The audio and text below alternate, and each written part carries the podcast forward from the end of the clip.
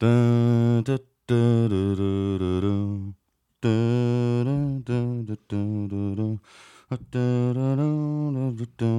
Er du ved at være klar, øh, Elming, til at, til at optage? det er godt, at jeg optager live, for det der, det-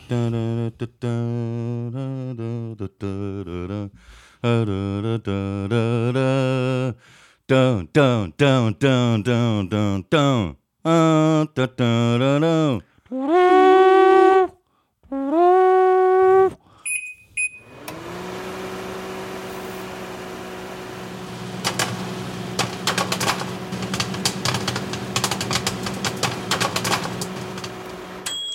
Bum, så kører bussen. Du har ørerne i NFL-showet, der er optaget live on tape og er produceret af Kvartrup Media i samarbejde med Tafel.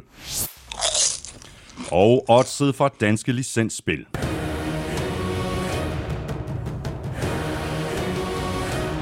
Husk, at man skal være minimum 18 år og spille med omtanke. Har du brug for hjælp til spilafhængighed, så kontakt Spillemyndighedens hjælpelinje Stop Spillet eller udluk dig via Rufus. Regler og vilkår gælder. Tak fordi du er med os. Tak fordi du downloader og lytter. Du ved, hvor du finder os. Det er alle de sædvanlige steder, som for eksempel Apple Podcast, Google Podcast, Stitcher, Spotify og SoundCloud.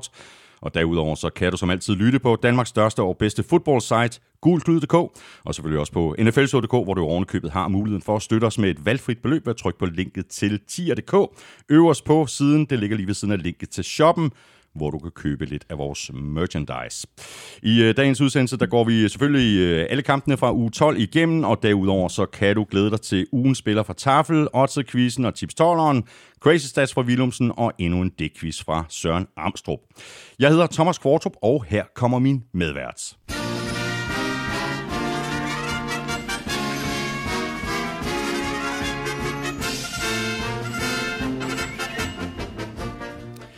Her har vi fat i en af de gode gamle.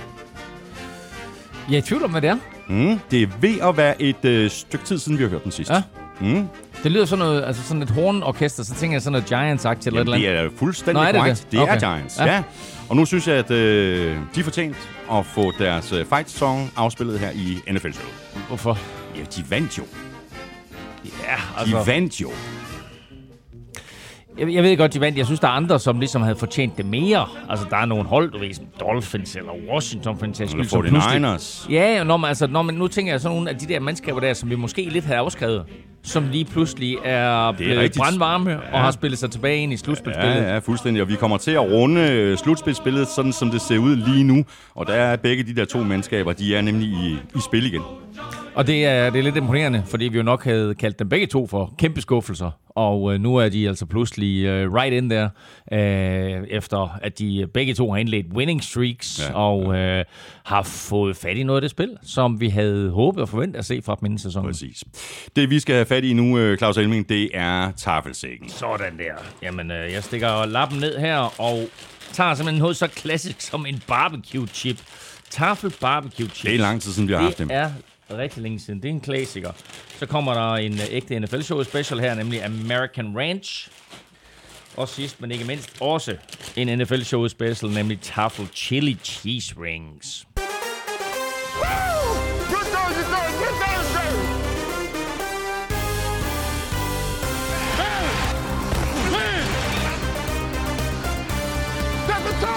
Giants satte en kæppe i hjulet på Eagles. Lions vandt næsten. Patriots vandt for 6. uge i træk. Rams tabte for 3. uge i træk. Og Dolphins, de er godt i gang med at stemple ind med fire sejre i streg.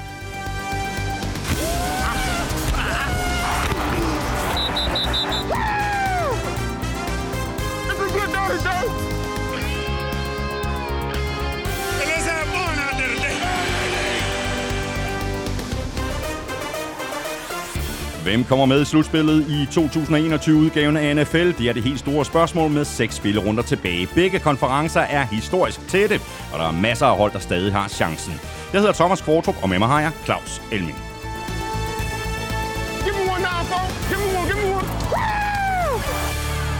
Ja, Elming, øh, så fik vi endnu en øh, fuldstændig vanvittig uge i NFL, øh, og det her, det er, vi sad også og talte om det i søndags, da jeg var hjemme hos dig og se, se fodbold. Det her, det er en af de fedeste, de mest uforudsigelige og mest spændende sæsoner, jeg kan huske. Det er det, og det er det også rent statistisk, fordi med de to tætte afgørelser, der var på Thanksgiving Thursday, så er vi nu op på 25 kampe, der er afgjort i det sidste minut, eller overtime i den her sæson, og det er flest efter spil u 12. Øh, og der tæller man for eksempel ikke en kamp med som her Monday Night, mm. hvor det også bliver afgjort i sidste minut, men det er mere på grund af en brand two-point conversion. Mm. Der er altså ikke en, hvad skal vi kalde det, skiftende føring i det sidste minut.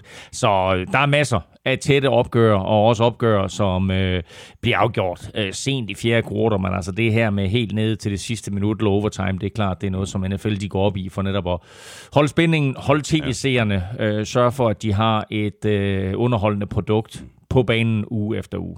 Lad os lige tage et uh, kig på uh, slutspidsbilledet, og dame, der er mange tætte divisioner og mange hold, der stadigvæk har chancen. AFC først, uh, Ravens har første seed med 8 og 3, Patriots er 2 med 8 og 4, Titans er 3 også med 8 og 4, Chiefs de har fjerde seedet med 7 og 4, og så har vi Bengals på femte seed med 7 og 4, Bills har 6. seed, også med 7 og 4, så Chargers 7 med 6 og 5. Og lige uden for øh, det gode selskab, der har vi Raiders med 6 og 5, Broncos med 6 og 5, Colts med 6 og 6, Steelers med 5, 5 og 1, Browns med 6 og 6, Dolphins med 5 og 7. Øh, og så kan vi vist godt se bort fra øh, Jets med 3 og 8, og Texans og Jaguars hver med 2 og 9. Men hold nu op, hvor er det tæt det her. Det er, det er helt vildt. Og øh, ser man på toppen, så er det eneste hold med 8 sejre, som kun har spillet 11 kampe, det er Baltimore, mens både New England og Tennessee, de har spillet 12 kampe og har 8 sejre. Til gengæld så har Patriots altså lige 6 i træk. Øh, og så har du Chiefs, med 7 og 4 på vej i den rigtige retning. Cincy ser god ud. Øh, Buffalo jo lidt skuffende med 7 og 4, men så kommer vi til at tale om nu her, ikke? Altså mm. Patriots to gange inden for de næste tre uger. Chargers vinder den ene uge, taber den anden uge, kan ikke rigtig finde ud af, at det ligger altså stadigvæk der i det fine selskab på syvende seed. Så har du øh, Las Vegas Raiders, som pludselig spillede en god kamp på Thanksgiving. Du har Denver Broncos, der også efter en god start øh, faldt lidt af på den, og så er kommet godt tilbage igen. Colts taber den her vigtige kamp imod Buccaneers i weekenden. Ikke? De ligger 6 og 6, men ligger altså også lunt i svinget. Steelers tror jeg ikke rigtig på længere. Uh, de skal virkelig op sig for at komme i slutspillet. Uh, og så har du altså ja, Cleveland, som er lidt problematisk, men så den her, det her Dolphins-mandskab, som vi kommer til at tale om. Dolphins, der lige pludselig har fået skruet det helt rigtigt sammen på det helt rigtige tidspunkt. I NFC, der har Cardinals øh, første seedet med 9 og 2, Packers har andet seed med 9 og 3, Buccaneers er 3 med 8 og 3, Cowboys er på øh, 7 og 4 og har fjerde seedet. Rams er også 7 og 4, de har femte seedet. 49ers har 6. seedet med 6 og 5, og Washington har 7. seedet med 5 og 6. Og lige udenfor, der har vi øh, Vikings med 5 og 6, Falcons med 5 og 6, Saints med 5 og 6, Eagles med 5 og 7, Panthers med 5 og 7, Giants og Bears er begge på 4 og 7, år. så er det vist nu, at vi godt kan udelukke uh, Seahawks på 3 og 8, og selvfølgelig Lions på 010 og 1.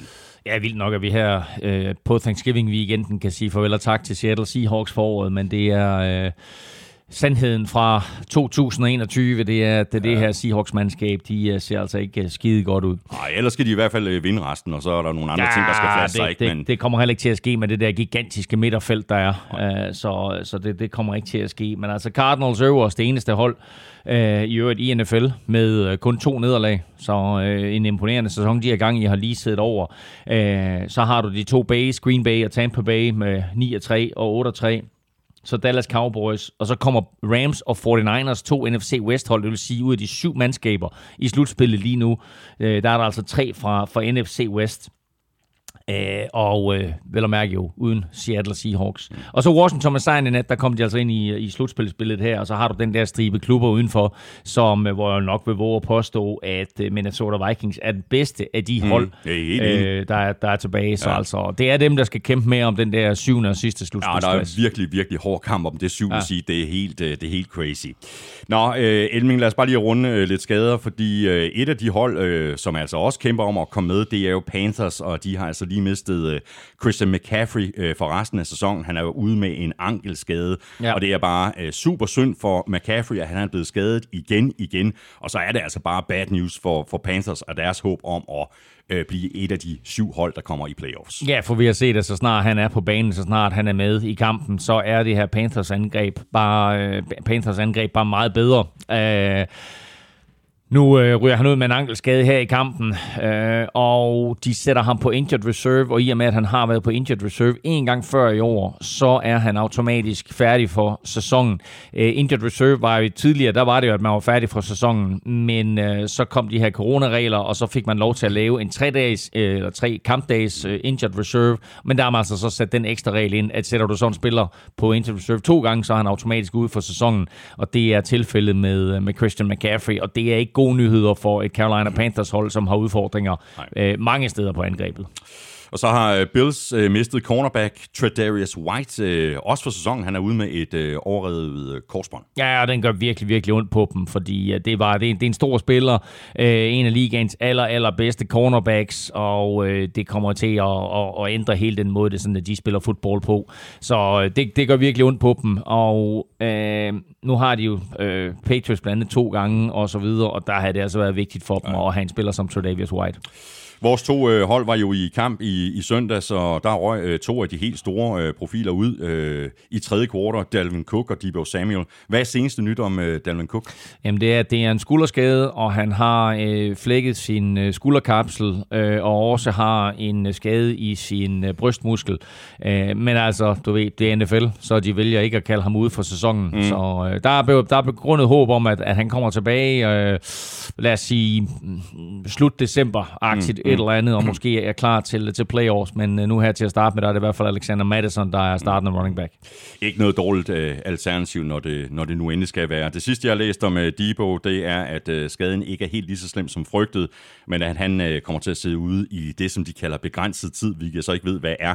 Men det er et kæmpe problem for 49ers, da angrebet jo uh, de seneste mange uger uh, er gået igennem Debo Samuel. Ja, og det er en lyskeskade, og det er sådan en, der bare er utrolig svær at komme over, og bedst som man tænker, nå, nu er den på plads, jamen, altså, så popper den igen, ja. så det er, øh, det, det, er, det er ærgerlige nyheder for 49ers. Og så må øh, Cowboys undvære Mike McCarthy på øh, sidelinjen i torsdagskampen mod Saints. Han er ude med corona, der så rammer NFL igen. Corona rammer i den grad NFL. Der er flere store profiler, som øh, er ude til den øh, kommende weekend, eller er sat på coronalisten. Uh, Vikings cornerback, uh, øh, han er ikke Adrian Peterson, han Patrick Peterson, øh, er ude. TJ Watt fra Steelers er ude. Og så nævner du Mike McCarthy. Der er lige nu otte rapporterede tilfælde af corona i Dallas. Øh, og de skal, som, som du siger, spille allerede torsdag. Det er om to dage. Ja. Så øh, de er, de er øh, skidt kørende inden den her kamp mod Saints. Det er meget sjovt, jo, at både Cowboys og Saints jo spillede på Thanksgiving. Så de spiller altså to torsdagskampe i træk.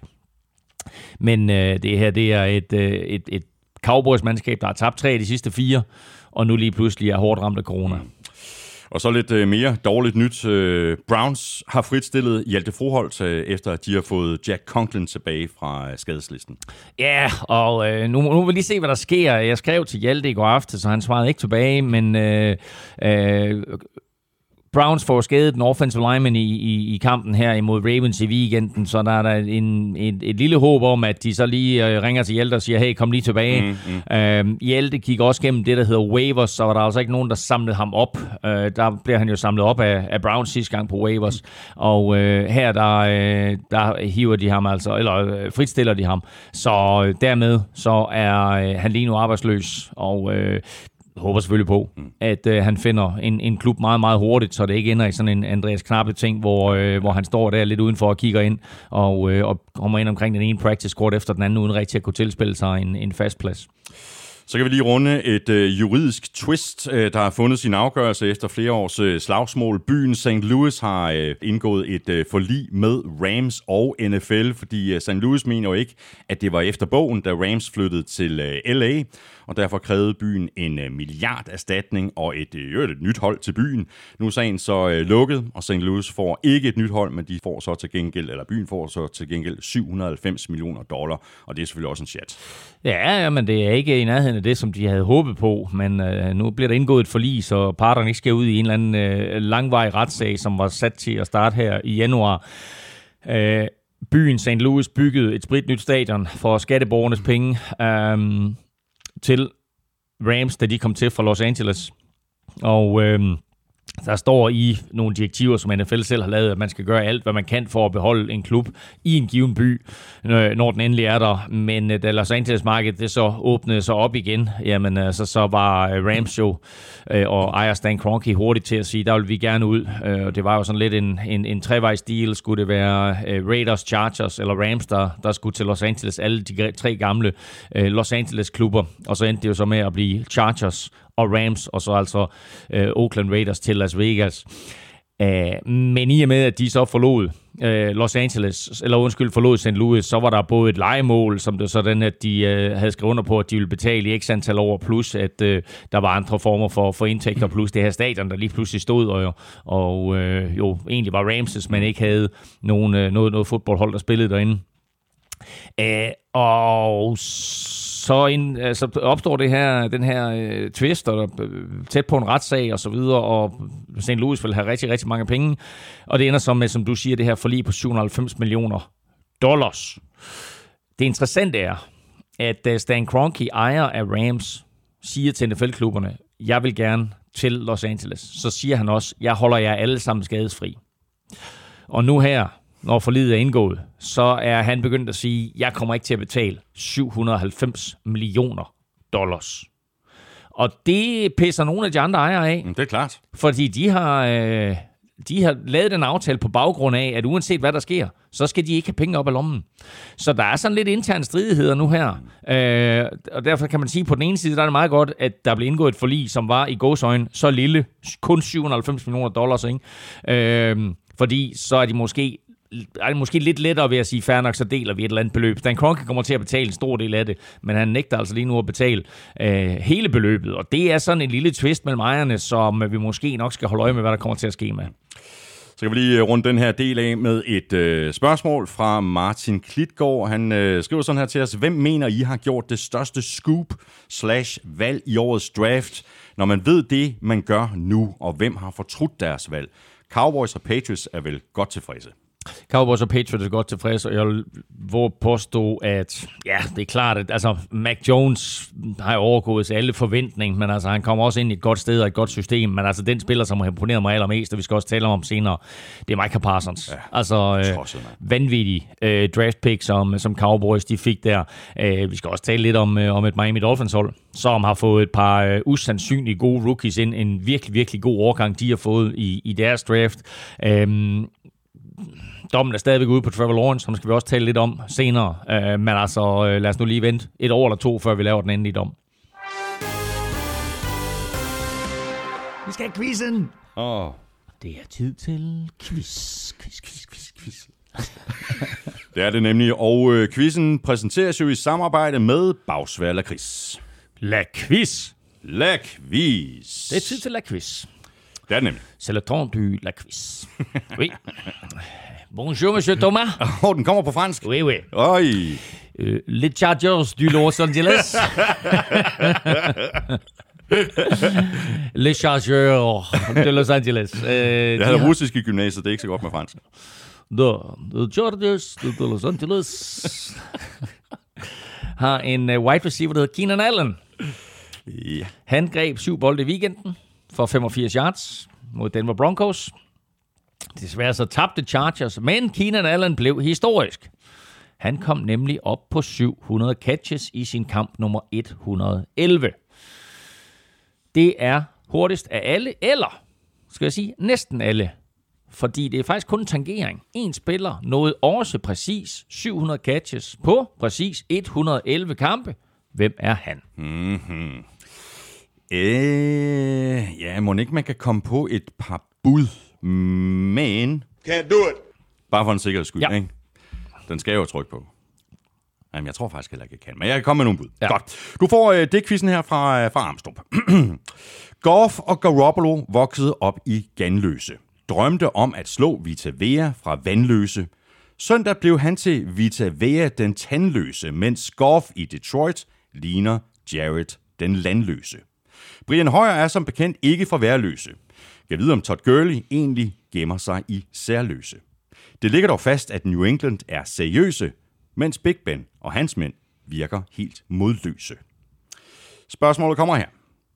Hvem af de etablerede quarterbacks, som har startet alle kampene, har kastet færrest interceptions?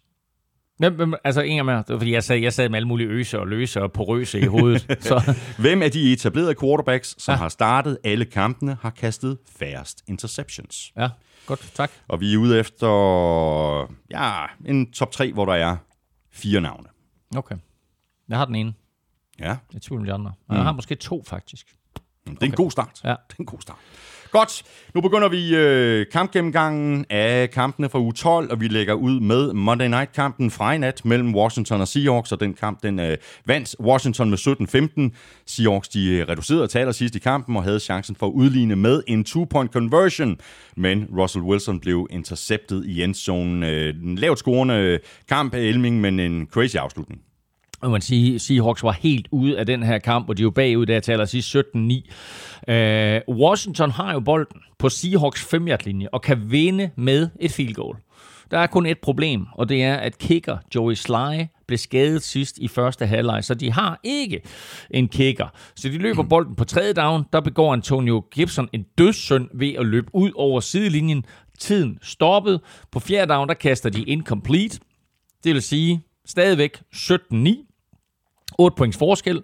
Seahawks får bolden på egen 5-6 linje. Det er sådan set lidt lige meget, fordi de ikke kunne flytte bolden hele dagen. Men så kommer der selvfølgelig lidt Russell Wilson magi. 10 plays, 96 yards, eller faktisk, øh, faktisk 105 yards, for han bliver også sækket for 9 yards, så det her det er et drive på 105 yards øh, på lidt under to minutter. Scorer til 17-15, men misser så deres two-point conversion. Så sparker de onside kick, som de får fat i men får en 5 yard straf for illegal formation. Jeg ved ikke, om den hænger på spillerne, eller den hænger på trænerne. Det er i hvert fald bare tåbeligt. Rigtig dumt. Og så kan Washington football team on lettet op, ja. og de uh, slap lidt med skrækken og får altså den her sejr trukket i land, som de egentlig lå til lang, lang tid. Mm. Head coach uh, Ron Rivera uh, var, var rimelig meget op at køre efter kampen. Let's go var, var beskeden på, på pressekonferencen, uh, og man kan sådan så godt forstå, at han er tilfreds, fordi nu har Washington, sådan som vi også var inde på uh, indledningsvis i udsendelsen, vundet tre kampe i træk, og lige nu har de altså syvende side mm. i NFC. Uh, Spørgsmålet kan de holde fast? Altså, hvor, hvor langt kan de nå? Ja, det, altså, det er jo meget imponerende at tænke på, at med den her sejr og Vikings nederlag til 49ers, så ligger de, som vi gennemgik lidt tidligere, syvende seed i NFC. De er gået fra det, vi kaldte årets største skuffelse, til lige nu at snige sig med i, i playoffs. Forsvaret spiller langt bedre, selv uden Chase Young og Montez Sweat. Ja. Øh, Taylor Heineke spiller godt, øh, laver store spil og laver meget få fejl. Øh, og det er en, en, faktisk lidt, det er lidt en ny tendens for ham, for han er sådan lidt en gunslinger. Men øh, jeg tror, de har fået pillet sådan, øh, det der værste Brett Favre øh, ud af ham. Øh, selvom man godt kan se, at der er nogle tendenser mm. hister her. Øh, men altså, han er jo, han er jo sjov at, at se på. Øh, og det der med godt forsvar og et angreb, som er tilpas godt, det er jo en, en recept, som vi har set mange gange virke fint øh, til, at et hold kan nå langt. Gode nyheder var, at de havde Curtis Samuel tilbage. Mm. Øh, første gang, vi ligesom ser ham i aktion i år, og øh, det var jo den her spiller, som Ron Rivera mener, det skal være hans Christian McCaffrey i det her Washington-angreb. Han havde øh, flere gode spil undervejs. Lidt dårlige nyheder var, at J.D. McKissick, som faktisk scorer begge touchdowns for Washington i den kamp her, at øh, han bliver ramt hårdt på et tidspunkt, hvor han tager et, et knæ i, i, i hjelmen og øh, bukker nakken på en eller anden måde og ligger længe på græsset og bliver kørt for banen. Øh, men altså, det, det, jeg har ikke været helt i stand til at finde ud af, hvor slemt eller ikke slemt det er med ham, men jeg så bare lige en overskrift, der hed, øh, gode nyheder slipper med skrækken, så det er ikke, altså, det er ikke sådan, sådan super, super alvorligt, men nu må vi lige se, hvor lang tid han er ude. Nu nævnte du lige øh, det her øh, sidste drive af Russell Wilson, hvor han øh, leverede øh, den magi, som vi har set ham levere så mange gange før, men altså sådan helt generelt i år, øh, så har der altså været grus i maskineriet på øh, Seahawks angreb. Den offensive linje giver, øh, som sædvanligt skulle jeg næsten til at sige, øh, bare Russell Wilson øh, meget lidt tid til at finde åbne receiver ned ad banen, og hvor i alverden var DK Metcalf i den her kamp. Han. Ja. var fuldstændig anonym indtil til allersidst i kampen. Øh, der var ikke meget at råbe hurra for på, på den konto, men vi, øh, vi fik da en, en, en meget, meget sjælden scoring. Det må man sige. Uh, hvis vi lige tager DK først der, så er der altså noget helt galt med, med den der connection fra Wilson til Metcalf. Vi er inde i anden halvleg, inden Russell Wilson overhovedet kaster sin første bold i retning af Metcalf, og han griber sin første bold efter 59 minutter på det der sidste drive, som, øh, som Wilson og, og, øh, og Seahawks de fyrer af. Uh, han har været en non-factor uh, hele året, og i det hele taget så har det her skifte til øh, Shane Waldrons angreb, så har det jo været lidt en, øh, for ikke at sige, en kæmpe øh, skuffelse. Øh, og spørgsmålet er om, om, om vi får lov til at se Russell Wilson i det her angreb mere, mm. øh, eller om Shane Waldron han skal køre det videre med en eller anden ny quarterback til næste år. Øhm, og ja, øh, apropos det der med en øh, sjælden scoring, det stod jo uafgjort ved pausen, og det gør det jo efter, at Washington scorer touchdown og bringer sig foran 9-7 der sidst i første halvleg. Men øh, Joey Slice ekstra point bliver blokeret. Og så bliver han jo et selv skadet, da han forsøger at lave tackling på Rasheen Green. Øh, uh, Rashim Green, der på trods af sine sådan små 130 kilo, returnerer bolden 80 yards til to point og udligning 9-9. Han var løbet tør for gas efter 40 yards, men på en eller anden måde så får han på gode blokeringer og kæmper sig ned i endzonen. Så det er altså et blokeret ekstra point, som bliver returneret i den modsatte endzone. Det giver to point. Uh, normalt, når en stor dreng scorer touchdown, så kalder vi det jo thick six. Her der, det var mere sådan en, en thick two, mm. men en, en sjælden scoring. Ja. Washington, de er 5 og 6, og de skal til øh, Vegas og spille mod Raiders. Seahawks, de er 3 og 8, og de spiller hjemme mod 49ers. Og så tager vi de øh, tre kampe, der blev spillet på Thanksgiving, og vi tager dem i den rækkefølge, som de blev spillet. Bears de vandt med 16-14 over Lions på udebane. Det var lige til øllet, at øh, Bears hæv sejren i land. Det øh, krævede et øh, field goal af Cairo Santos til allersidst, og dermed undgik øh, Bears altså med nød og næppe at blive det første hold øh, til at tabe til Lions i øh, indeværende sæson. Ikke to vanvittigt gode hold at sidde og se på, men kampen var som en øh, underholdende nok, øh, og så tabte Lions bare igen igen. Ja, ikke den mest velspillede kamp, men, øh, men som du siger, det var underholdende, det var tæt, det var intenst, og til sidst, der, går, der gik det jo, som det har gjort for Lions hele året. Øh, de formår at tabe en kamp, som de har alle chancer for at vinde. De fører 14-13. Øh, de har stoppet Bears det meste af dagen. Og så er det sidste, der får Andy Dalton alligevel lige skruet en lang angrebsserie sammen. Og som øh, du siger, så scorede Kyra Santos så et kort field goal til Bears sejr. Og Lions 10. nederlag. De har ikke vundet siden 6. december sidste år, som ironisk nok var over Bears. Mm. Og efter øh, fem nederlag i træk til Bears, så var der op til den her kamp sådan lidt øh, rumlerier om, at øh, Matt Nagy han kunne ende med at blive fyret, hvis øh, Bears de tabte igen. Nu har han så reddet sig lidt øh, mere tid. Øh, hvor meget ved jeg ikke. Øh, og jeg ved heller ikke, øh, hvad øh, Bears gør på øh, quarterback øh, resten af sæsonen. Mm. Spørgsmålet mm. er, om Matt Nagy ved det. Nej, ja, det, ja, det ved jeg heller ikke, om han ved. Jeg ved det i hvert fald ikke. Øh, jeg har set en del kritik af Andy Dalton efter kampen, men det forstår jeg egentlig ikke. Altså, øh, nu har han to kampe i træk fået sat lidt liv i Bears kastangreb. Han er selvfølgelig mere traditionel i quarterback-forstand, end, end Justin Fields er, men altså... Øh, Helt ærligt, så giver han Bears en bedre chance for at vinde øh, kampe end Justin Fields lige nu. Og hvad vil du så helst som head coach? Øh, en head coach, der vel at mærke hænger i, i lidt i en tynd tråd. Vil du vinde kampe mm. og måske redde dig selv? Eller vil du spille Justin Fields og give ham spilletid, hvilket ikke gør noget godt for holdet, men måske bare forbereder Justin Fields bedre til en ny trænerstab? Øh, og så er der jo alle spillerne. Altså, de går på banen uge efter uge med en forventning og et håb om at vinde fodboldkampe øh, hvis de godt kan mærke, at den bedste løsning er Andy Dalton i forhold til at vinde kampe, så vil de også hellere have, at det er ham, der spiller. Selvom Justin Fields måske er mere flashy og laver sjovere ting. Men øh, det, er ikke alt, det er ikke lige godt alt det, Andy Dalton laver. Men han giver dem bare en bedre chance for at vinde. Lions de mistede uh, running back uh, DeAndre Swift uh, tidligere i kamp med en uh, skulderskade. Uh, det gjorde så ikke ligefrem med uh, arbejdsbetingelserne nemmere på, uh, på Lions angrebet, og så begik Lions bare alt for mange fejl. Og så var uh, afslutningen på kampen heller ikke ligefrem uh, det er sådan, uh, hvad skal vi kalde det, det mest stolte øjeblik i head coach Dan Campbells karriere. Nej, det, uh, det kan man ikke påstå. De har egentlig spillet en fin kamp, Lions. De har kæmpet hårdt, de har bidt knæskaller. uh, de har holdt Bears til, til 13 point i 55 minutter. Men altså, de har haft udfordringer med penalties hele dagen, og til sidst, der går det helt galt. De har bolden på midterlinjen. De er stadigvæk foran. De har bolden på midterlinjen. Scorer de touchdown her eller field goal, så tror jeg også, de vinder. Øh, I stedet for, så får de tre penalties i træk, og står pludselig med en tredje og 32, og der har man altså en begrænset playbook. Øh, så de må ponde. Og så er det, at øh, Andy Dalton han får øh, bolden og kører Bears ned af banen. Øh, og øh, da de så kommer tæt på field goal Bears, der er det faktisk i den situation, at hvis de sparker field goal, så kan Lions godt få bolden tilbage. Mm. Men så begår Lions øh, to penalties, øh, inklusiv øh, at de kommer til at kalde to timeouts i træk. Det er en fem yard straf. Øh, og så går de vist også offside eller et eller andet, og så ryger altid af klokken.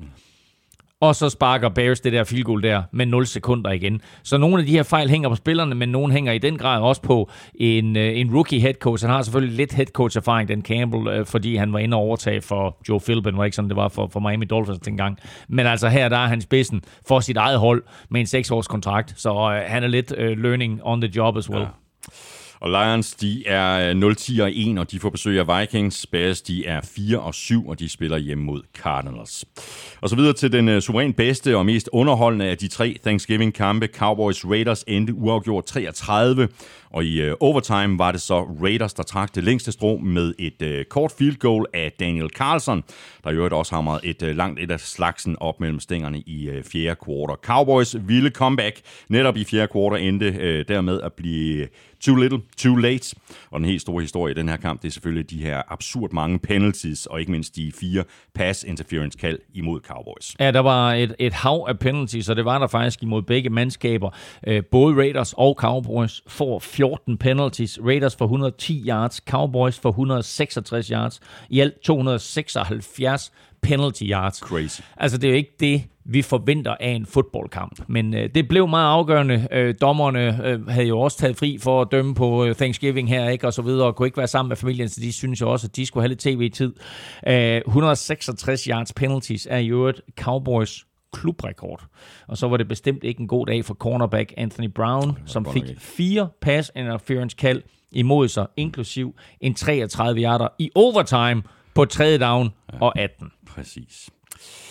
Derek Carr øh, spillede en, en rigtig øh, flot kamp. Øh, han completed 24 af 39 for 373 yards og et øh, touchdown. Deshaun Jackson spillede også en god kamp, øh, og så har jeg allerede nævnt øh, kicker mm. Daniel Carlson, og også en øh, forholdsvis øh, fornuftig kamp af ham. Øh, faktisk så fornuftig, at vi nominerede ham til ugens spil. Ja, det hørte til sjældenhederne, men øh, det gjorde vi. Øh, Deshaun Jackson er jo lige, hvad Raiders og Carr har haft behov for. Han fik en lidt skidt start på sin øh, Raiders-karriere, der man fumble i sin første kamp, men her der er han rigtig, rigtig god, og øh, hans fart resulterede jo i et par store plays undervejs. Han scorede også kampens første touchdown på en 56 yarder. Det var jo hans 34. touchdown over 50 yards yards. Det er altså nu kun to efter legendariske Jerry Rice. Så det er altså en, øh, noget af en, en, en spiller og noget af en, af en personlighed og rekord, han er ved at indhente der. Øh, og det kan han godt komme til i det her Raiders-angreb. Og så ja, halvsvenske Daniel Carlson. Øh, han har været god for Raiders. Øh, Husk på, han var en af de her kicker, som Vikings øh, forsøgte at hive ind. Mike Zimmer har jo al sin tid hos Vikings haft gigantiske kickerproblemer, og øh, de har rimelig kort snort op. Så efter at The Vikings de draftede ham i femte runde i 2018, og han brændte et par spark og kost med et par kampe, så blev han jo fyret på gråt papir. Kom til Raiders, og har egentlig været rigtig, rigtig god for Raiders lige siden. Det her det er måske nok hans bedste kamp. Han scorer fem field goals, han laver tre ekstra point, han sparker en 56 eller 57 i fjerde kvartal, og så laver han sin game winner i overtime stensikkert. Mm.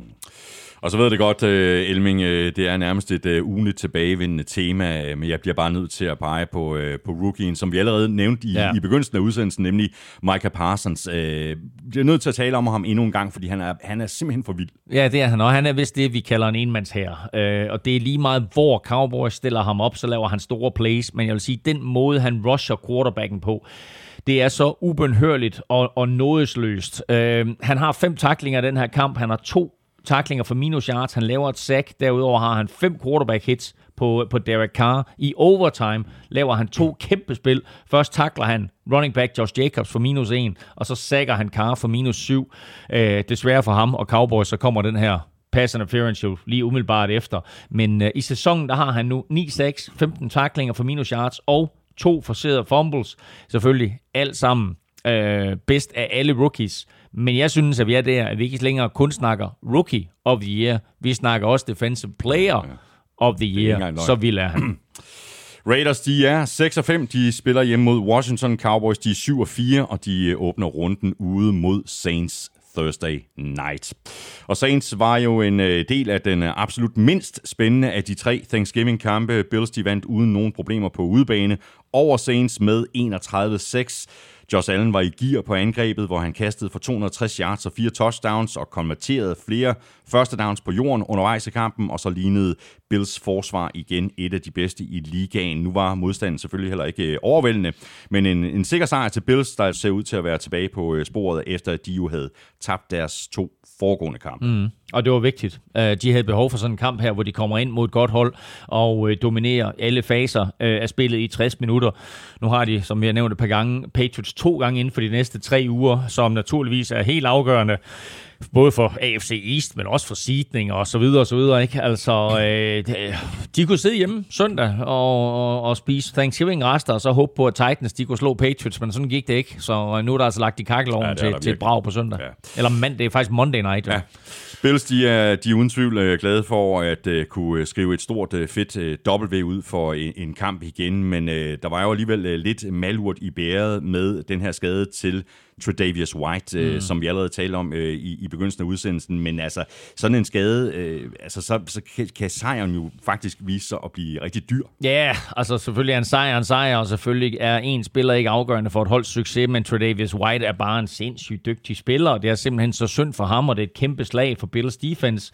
Uh, han er ude for sæsonen med, med en korsbåndsskade, og igen var det sådan en slags ene ulykke, hvor hans fod bliver fanget eller sidder fast i, i kunstunderlaget der i Superdomen. Uh, jeg, taler, jeg sagt det før, jeg synes, det er problematisk med så mange skader, der kommer på det her kunstunderlag. Han er... Øh, han er en af NFL's bedste cornerbacks, og det kan slet ikke pointeres, hvor vigtig han er for, for det, som Bills defense gerne vil, og den måde, man kan konstruere forskellige defensive setups på, hvor man ligesom siger, hey, du tager din side, eller du tager den her mand, og så har vi 10 mand til at håndtere resten. Øh, det facet, det er ude af Bills spil nu. Saints, de var 5 øh, 2, så mistede de øh, James Winston. Øh, nu har Saints tabt fire kampe i træk, og er 5 og 6. Og hvis de skal tilbage på sporet og forsøge at nå med i slutspillet, så skal der til at ske et eller andet. Og jeg ved virkelig ikke, om jeg synes, at Taysom Hill er en bedre løsning end Trevor Simeon. Men det ser heller ikke ud til, at uh, Trevor Simeon er nogen holdbar løsning. Mm. Uh, måske skulle de bare skrive en kort kontrakt med uh, Drew Brees, uh, der jo blev hyldet i pausen. Ej, yeah. spøj, spøj til side. Er det ja. tid til uh, Taysom Hill? Ja, det er det. Og øh, han har taget alle træninger. Øh, eller alle snaps nu her, til træning med, med første holdet øh, siden i torsdags. Husk på, at de spillede i torsdags, mm. øh, så de har jo været i stand til at træne på gang her, inden de så jo skal spille igen allerede på torsdag mod Cowboys. Og øh, som det ser ud nu, så er det, så er det Taysom Hill, som kommer øh, ind og spille. Øh, Trevor Simeon er i hvert fald ikke løsningen, som du siger, de gik fra 5 og 2 til nu 5 og 6. Øh, de var egentlig konkurrencedygtige i de tre foregående kampe, men her der bliver de jo kørt fuldstændig midt over. I det hele taget har det været en udfordring for Saints og, og angrebet især, at de ikke rigtig kunne få noget til at fungere de første tre quarters, og så er det ligesom om sådan lidt i garbage time, så har Simeon bragt dem tilbage et par gange. Øh, det forsøger han også her, men der er de simpelthen for langt bagud, der er ikke noget at komme efter. Øh, det skal selvfølgelig siges, at han var uden Alvin Kamara, mm. han var uden Mark Ingram. Øh, den offensive linje manglede deres to bedste spillere, så altså, det, han er ikke specielt meget hjælp, men altså, det er måske også der, hvor man kan sige, at der er behov for en anden type.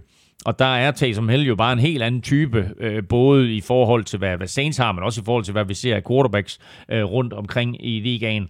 Øh, og så er der, øh, hvad hedder det, New Orleans Major, der råber lidt på rookie Ian Book fra Notre Dame, så vi kunne måske godt se, hvad vil jeg tage som Hill som starter, og så Ian Book sådan i den der mere traditionelle quarterback-forstand, men altså, øh, vi ved meget mere på, på fredag, når vi har set kampen ja, det bliver spændende. Bills, de er 7 og 4. De spiller hjemme mod Patriots Monday night. Saints, de er 5 og 6, og de tager imod Cowboys, og det gør de Thursday night. Og så videre til uh, Falcons, der slog uh, Jaguars med 21-14 på udebane i Jacksonville, og der var uh, positive ting at notere for Matt Ryan og angrebet, der efter at haltet sådan lidt i et stykke tid, endelig fik gang i løbeangrebet, der en offensiv linje fik skabt nogle store huller, og så var Cordero Patterson tilbage, og det ja. kunne ligesom mærkes, ikke? Det kunne det, og jeg vil bare sige, altså, hold kæft, var han vild. Uh, og her der taler vi jo altså pludselig om en tidligere første runde receiver, som endte med at blive sådan special teams superstjerne. Og nu er han i spil til at blive Pro Bowl running back. Uh, han løber med en brutalitet og en acceleration og sådan en fokuserethed, synes jeg, som meget, meget få spillere gør i ligaen. Uh, her der har han sin første kamp med over 100 yards løb, altså ikke bare i år, men i, i karrieren. Nu er han jo allerede rigtig blevet brugt på den måde, som Falcons bruger ham. Uh, og han scorer to touchdowns. Uh, han griber også to bolde for, uh, for 27 yards. Og det er jo et helt andet Falcons angreb, med ham, Ja, du end, end, end uden ja. ham. Og det er jo sådan noget, vi plejer at sige, at hvad ved jeg, Christian McCaffrey eller Dalvin Cook eller nogen, den, den der type der. Men det er altså Cordell Patterson, vi taler om her. Og nu er Falcons 5 og 6, øh, de er med i kampen om at komme med i, i slutspillet, så lige her og nu, der lever de i håb. Ja, men jeg synes ikke, det er det mest oplagte bud, øh, når man kigger på de andre NFC-hold, der, der håber på ekstra kampe i januar. Men altså Vikings taber, Eagles taber, Saints taber, så sejren her, det bringer dem selvfølgelig tilbage i, i, ind i kampen med, øh, med hvad er tilbage, seks kampe af sæsonen for dem. Ikke? Nu er det Jaguars, de slog, øh, og det er selvfølgelig ikke vanvittigt imponerende, men de spillede bedre på forsvaret, og så fandt de måske netop en offensiv identitet med at løbe bolden mere, og så begrænse det antal kast, som øh, Matt Ryan han skal ud og fyre af, fordi han har ikke spillet godt i de seneste uger, og han har nogle meget underlige kast i den her kamp, hvor han er upræcis på en måde, som jeg ikke synes, at vi har set ham øh, før. Så øh, jeg tror, at det, er- det er vigtigt, at, øh, at de lige giver ham lidt ro på bagsmækken, ja. og så siger, hey, nu løber vi bolden. Ja, præcis. øh, og så må Kyle Pitts være Kyle Pitts og gribe de få bolde, det nu bliver til. I forhold til øh, Jaguar, så er der jo øh, helt naturligt øh, rigtig meget fokus på Trevor Lawrence, øh, der i øh, flere år før draften blev udråbt til at være det største talent på quarterback mm. siden Peyton Manning og Andrew Luck. Øh, det har været sådan en meget op og ned øh, rookie-sæson for Lawrence. Øh, han har heller ikke ligefrem de, de bedste arbejdsbetingelser, men det var en skidt afslutning af- ham i Ja. den her kamp. Ja. Øh, har vi taget fejl af ham? Øh, Elming har alle taget fejl af ham. Altså, jeg vil ikke afskrive ham endnu. Dertil så er, at, at Jaguars generelt bare for ringet hold. Uh, hans offensiv linje er lidt en katastrofe, og det vil jo gøre enhver quarterback nervøs, når man ikke helt stoler på den. Men uh, når det så er sagt, så var hans sidste to kast jo bare katastrofale. Altså, det står 21-14. Han har alle muligheder for at blive held og, og, og give Jackson håb for, for fremtiden, så han kører ned og, og får dem i overtime, eller måske vinder kampen her. Men øh, han kaster to gange incomplete, og især den sidste er bare pinlig og ærgerlig, fordi på fjerde down, der løber LaVisca Chenot sådan en ind eller en hook, og er sådan set fri til en første down, og så kaster Lawrence fire yards for kort og i jorden. Og det er sådan et play, der bekymrer mig, fordi det er den slags, man godt kan forvente, at nummer et rookie, han rammer. Det er ikke sådan noget med, at der er pres på, eller, eller der forventes store ting af dig, du Nej, skal konvertere en tredje down og 32. Du skal bare have en første down. Og så kaster han i jorden for kort. Det er, det er der, hvor, og vi har haft lidt op at vinde før, at hans præcision, mangel på præcision, har overrasket mig. Øh, og det forstår jeg ikke helt. Jaguars, de er 2 og 9. De skal et uh, smut til øh, uh, LA og spille mod Rams. Falcons, de er 5 og 6, og de spiller hjemme mod uh, Buccaneers. Og så havde vi jo begge to uh, taget Panthers i uh, picks, Elming. Vi troede, at de kunne tage til Miami og slå Dolphins. Det kunne de ikke. Dolphins, de øh, dominerede på både angreb og forsvar og vandt med 33-10, og nu har de sådan lidt ubemærket lige vundet fire kampe i træk. Ja. Øh, og vi talte om det lidt i sidste uge, ikke? De har tre hjemmekampe i træk her, og det her, det var sådan set den svære af de tre hjemmekampe i træk. Nu har de Giants og Jets, og kan de vinde dem også, så er de, ligesom vi talte om i sidste uge, pludselig 7 og 7 efter de startede sæsonen 1 og 7, ikke? Øh, og så er der tre kampe tilbage i sæsonen, øh, og det er, da, det er da langt fra umuligt, at de kan komme i slutspillet. Øh, og de spiller jo lidt på den måde, som øh, vi havde regnet med inden sæsonen. Øh, forsvaret fremtvinger øh, turnovers øh, i, i samme tempo, som de gjorde sidste år. De fremtvinger også seks. Og det gør det ikke mindst, fordi øh, første runde rookie Jalen Phillips mm. er kommet tilbage. Han har været, øh, han er, jeg er ikke sikker på, hvor meget han har spillet, men han har i hvert fald set ud en hel del her øh, i starten af sæsonen. Dolphins tog en stor chance på at drafte ham. Der var sådan lidt tvivl om, hvor, øh, hvor, hvor, hvor klar han var, og så videre, øh, og hvor meget skadet han var. Han kommer ind, han har 3-6 i den her kamp, så en, en stor kamp af ham. Øh, de scorer jo på special teams i den her kamp, øh, og pludselig så er angrebet jo også effektivt.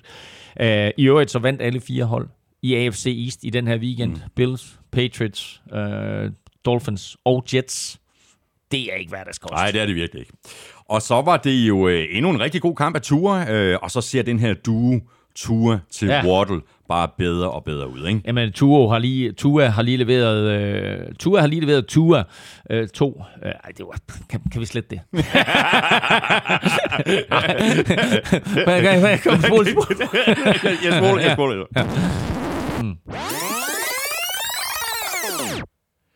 Ja, Og så, ja, men altså, bare sige, at øh, den her duo, øh, Tua til Waddle, ser bare bedre og bedre ud, ikke? What Tua do? nej, nej, nej, nu stopper. Uh, Tua har lige spillet to fremragende kampe i træk. Uh, han rammer for anden uge i træk. Det er Tua uger i træk. Han rammer på over 80% af sin kast. Hvor, har du mange af dem der? Nej, jeg har kun Tua mere. Nej.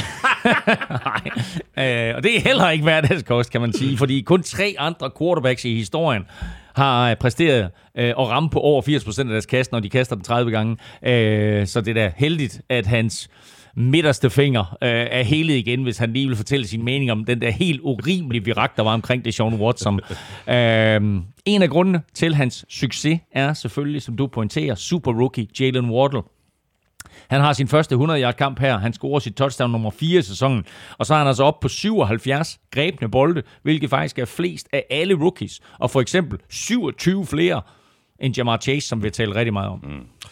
Anders øh, Vigelsø har skrevet en kort lille vits ind til os. Ja. Han skriver sådan her. Ved du, hvad Cam Newton sagde til bænken? I'm back! That's funny. That's very funny. Hvad var det, hvad var det, hvad var det vi sad sammen med, med Rasmus Skov øh, og så fodbold? Hvad var det, han sagde? I'm bench. ja, præcis. Ja, det var godt nok en, en kort fornøjelse med, med Cam Newton. Uh, spillede som en, en pose nødder uh, igen ja. og lignede mere eller mindre sig selv for sidste år i New England.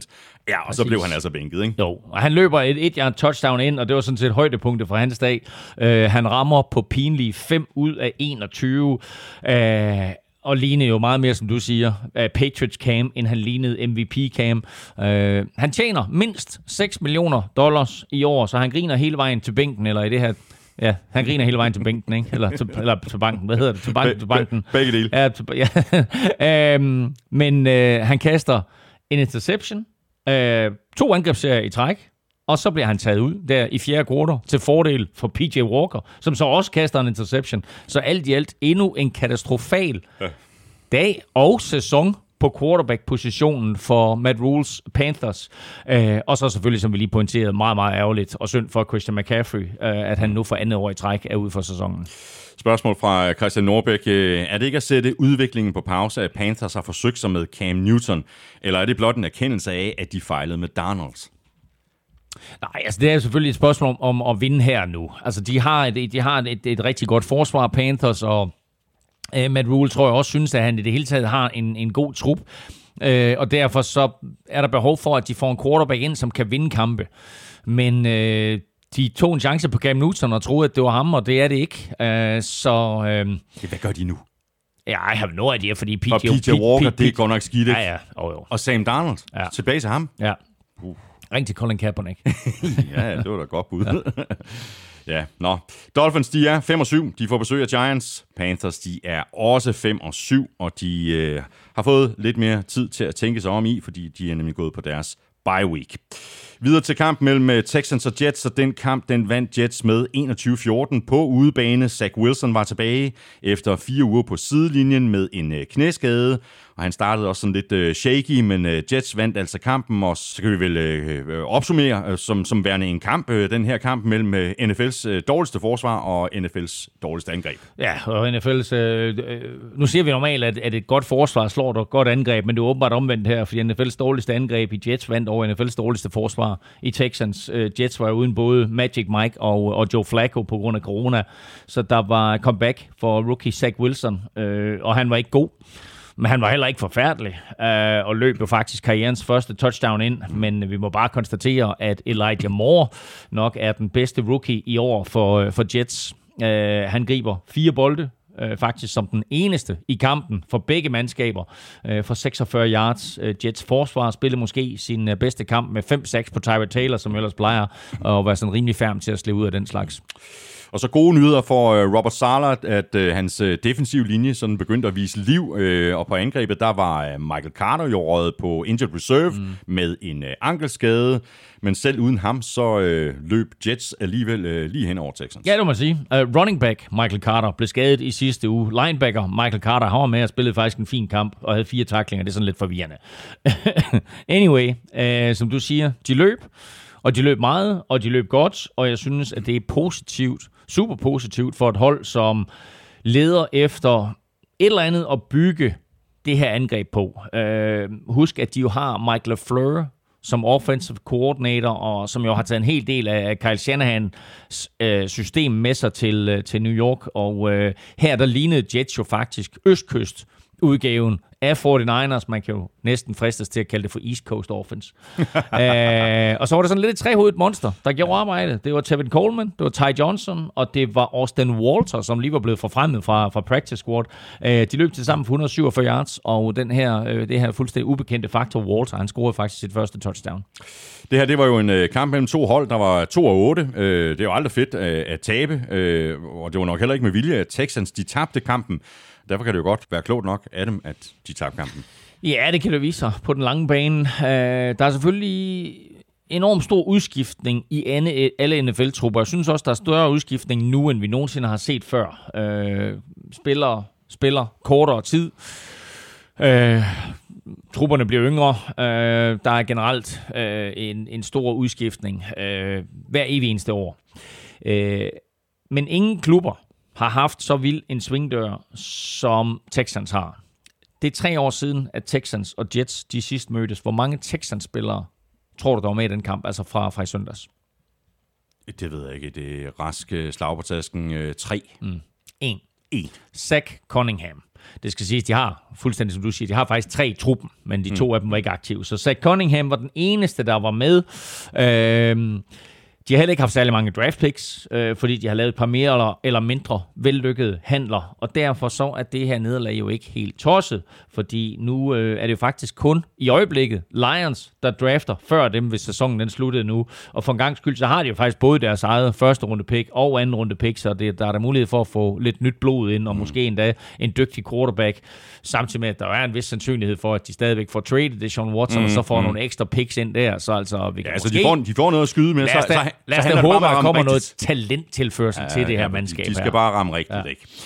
Texans, de er 2 og 9. De spiller hjemme mod Colts. Jets, de er 3 og 8, og de får besøg af Eagles. Og øh, Eagles var jo øh, favoritter forud for kampen mod Giants i New York i søndags, øh, men divisionsopgør, de er altid giftige, og Eagles skuffede på udebane og tabte med 13-7 i en kamp, de gerne skulle have vundet i forhold til kampen om slutspilspladserne. Giants, de fyrede jo Jason Garrett som offensiv koordinator, hvilket du jo forudså her i NFL-showet i sidste uge, og Garrett blev så erstattet med Freddie Kitchens. Det blev Giants angreb så ikke ligefrem øh, specielt mere eksplosivt af. Det kan man ikke påstå. Altså, øh, Jason Garrett, der, han røg ud med badevandet få timer efter NFL-showet, og i stedet så er det jo så den tidligere Browns-fiasko Freddie Kitchens, der har overtaget værvet som offensive koordinator resten af året. Det forlyder også, at der kommer flere udskiftninger i Giants, og hvor man måske troede, at det var head coach øh, Joe Judge, der var på vej ud, så siger flere kilder, at det er general manager Dave Gettleman, øh, der får silkesnoren, eller sådan i tråd med Giants-organisationens øh, traditionelt gode stil, får lov til at gå mm, selv. Mm. Øh, det betyder ikke, at Joe Judge ryger ud, men man kunne godt forestille sig, at den nye general manager, han sagde, ny head coach, ny quarterback. Ja, jeg skal lige vælge mit eget hold, ikke? Jo, præcis. Men altså, det kan godt være, at Joe Judge han får en, en, en chance mere. Uh, angrebet så lidt anderledes ud, uh, med mere fokus på uh, Saquon Barkley og Kenneth Golladay, men uh, effektivt kan man ikke påstå, at det var. De scorede 13 point og havde 264 yards. Ja. Til gengæld synes jeg, at uh, Giants forsvar begynder at tage form, uh, men bare uh, for at vende tilbage til angrebet, så var Daniel Jones, han var ikke spektakulær. Han lavede trods alt ingen turnovers. Nej, og du har ret med det med forsvaret. Men forsvaret har faktisk spillet ret godt hele året, mm. øh, og vinder også turnover battle her med, med, med 4-0. Øh, og det var måske den vigtigste ting overhovedet i den her kamp. Øh, og så ved jeg ikke, om man kan tilskrive øh, Kitchens æren for det, eller det var mere tilfældigt, men øh, i en kamp, hvor pointen jo ikke lige frem hang på træerne, og hvor Giants forsvar spillede måske sæsonens bedste kamp, så var det vigtigt ikke at forære bolden til, til Eagles, og øh, Daniel Jones kastede hverken en interception eller en fumble, hvilket jo i hans karriere har hørt lidt til sjældenhederne. Mm. Øhm, han fik øh, lidt mere beskyttelse end han plejer, med blandt andet med et par interessante formationer, hvor både Davante Booker og, Sam, og øh, Saquon Barkley var på banen samtidig. Øh, og så var der faktisk et par halvlækre spil undervejs, og også blandet sådan en flea flicker screen til Evan Ingram, som jeg bare aldrig har set før. Jeg elsker flea flickers. Der var flere af dem i søndag. Der var flere af dem. Jeg har aldrig set en flea flicker screen nej, før. Nej, det har jeg ikke. Eagles, øh, de kan løbe bolden. Øh, de bliver så nødt til at blive bedre i kastespillet. Øh, det her, det var en, en skuffende kamp af Jalen Hurts. Han completed 14 af 31 for sølle 129 yards og mm. kastede så også tre interceptions. Han får så heller ikke ret meget hjælp af sin receiver. Nej, det gør han ikke. Men det var en skidt kamp af Hurts, og det var faktisk en kæmpe skuffelse i det hele taget for Eagles. Øhm, bedst som de har spillet sig tilbage ind i slutspilsræset, så taber det til Giants, og det gjorde de blandt andet, fordi de gik væk fra den øh, formel, som har givet dem succes, nemlig løbeangrebet. Jeg synes lidt, de glemte det helt basale, men, øh, men Giants havde besluttet sig for at tage løbeangrebet væk og tvinge Jalen Hurts til at vinde kampen med sin arm, og der må vi sige, der så vi bare hans begrænsninger. Øh, han kaster tre interceptions og øh, ramte på under halvdelen af sin kast. Alligevel er han jo faktisk lige ved at vinde kampen mm. til sidst. Hans to sidste plays er i endzone, begge to til Jalen Rager, der taber dem begge. Øh, og øh, her der taler vi altså catches, som en professionel receiver skal lave. Den første rammer ham i hjelmen, den anden rammer ham altså lige i begge hænder, og så taber han den.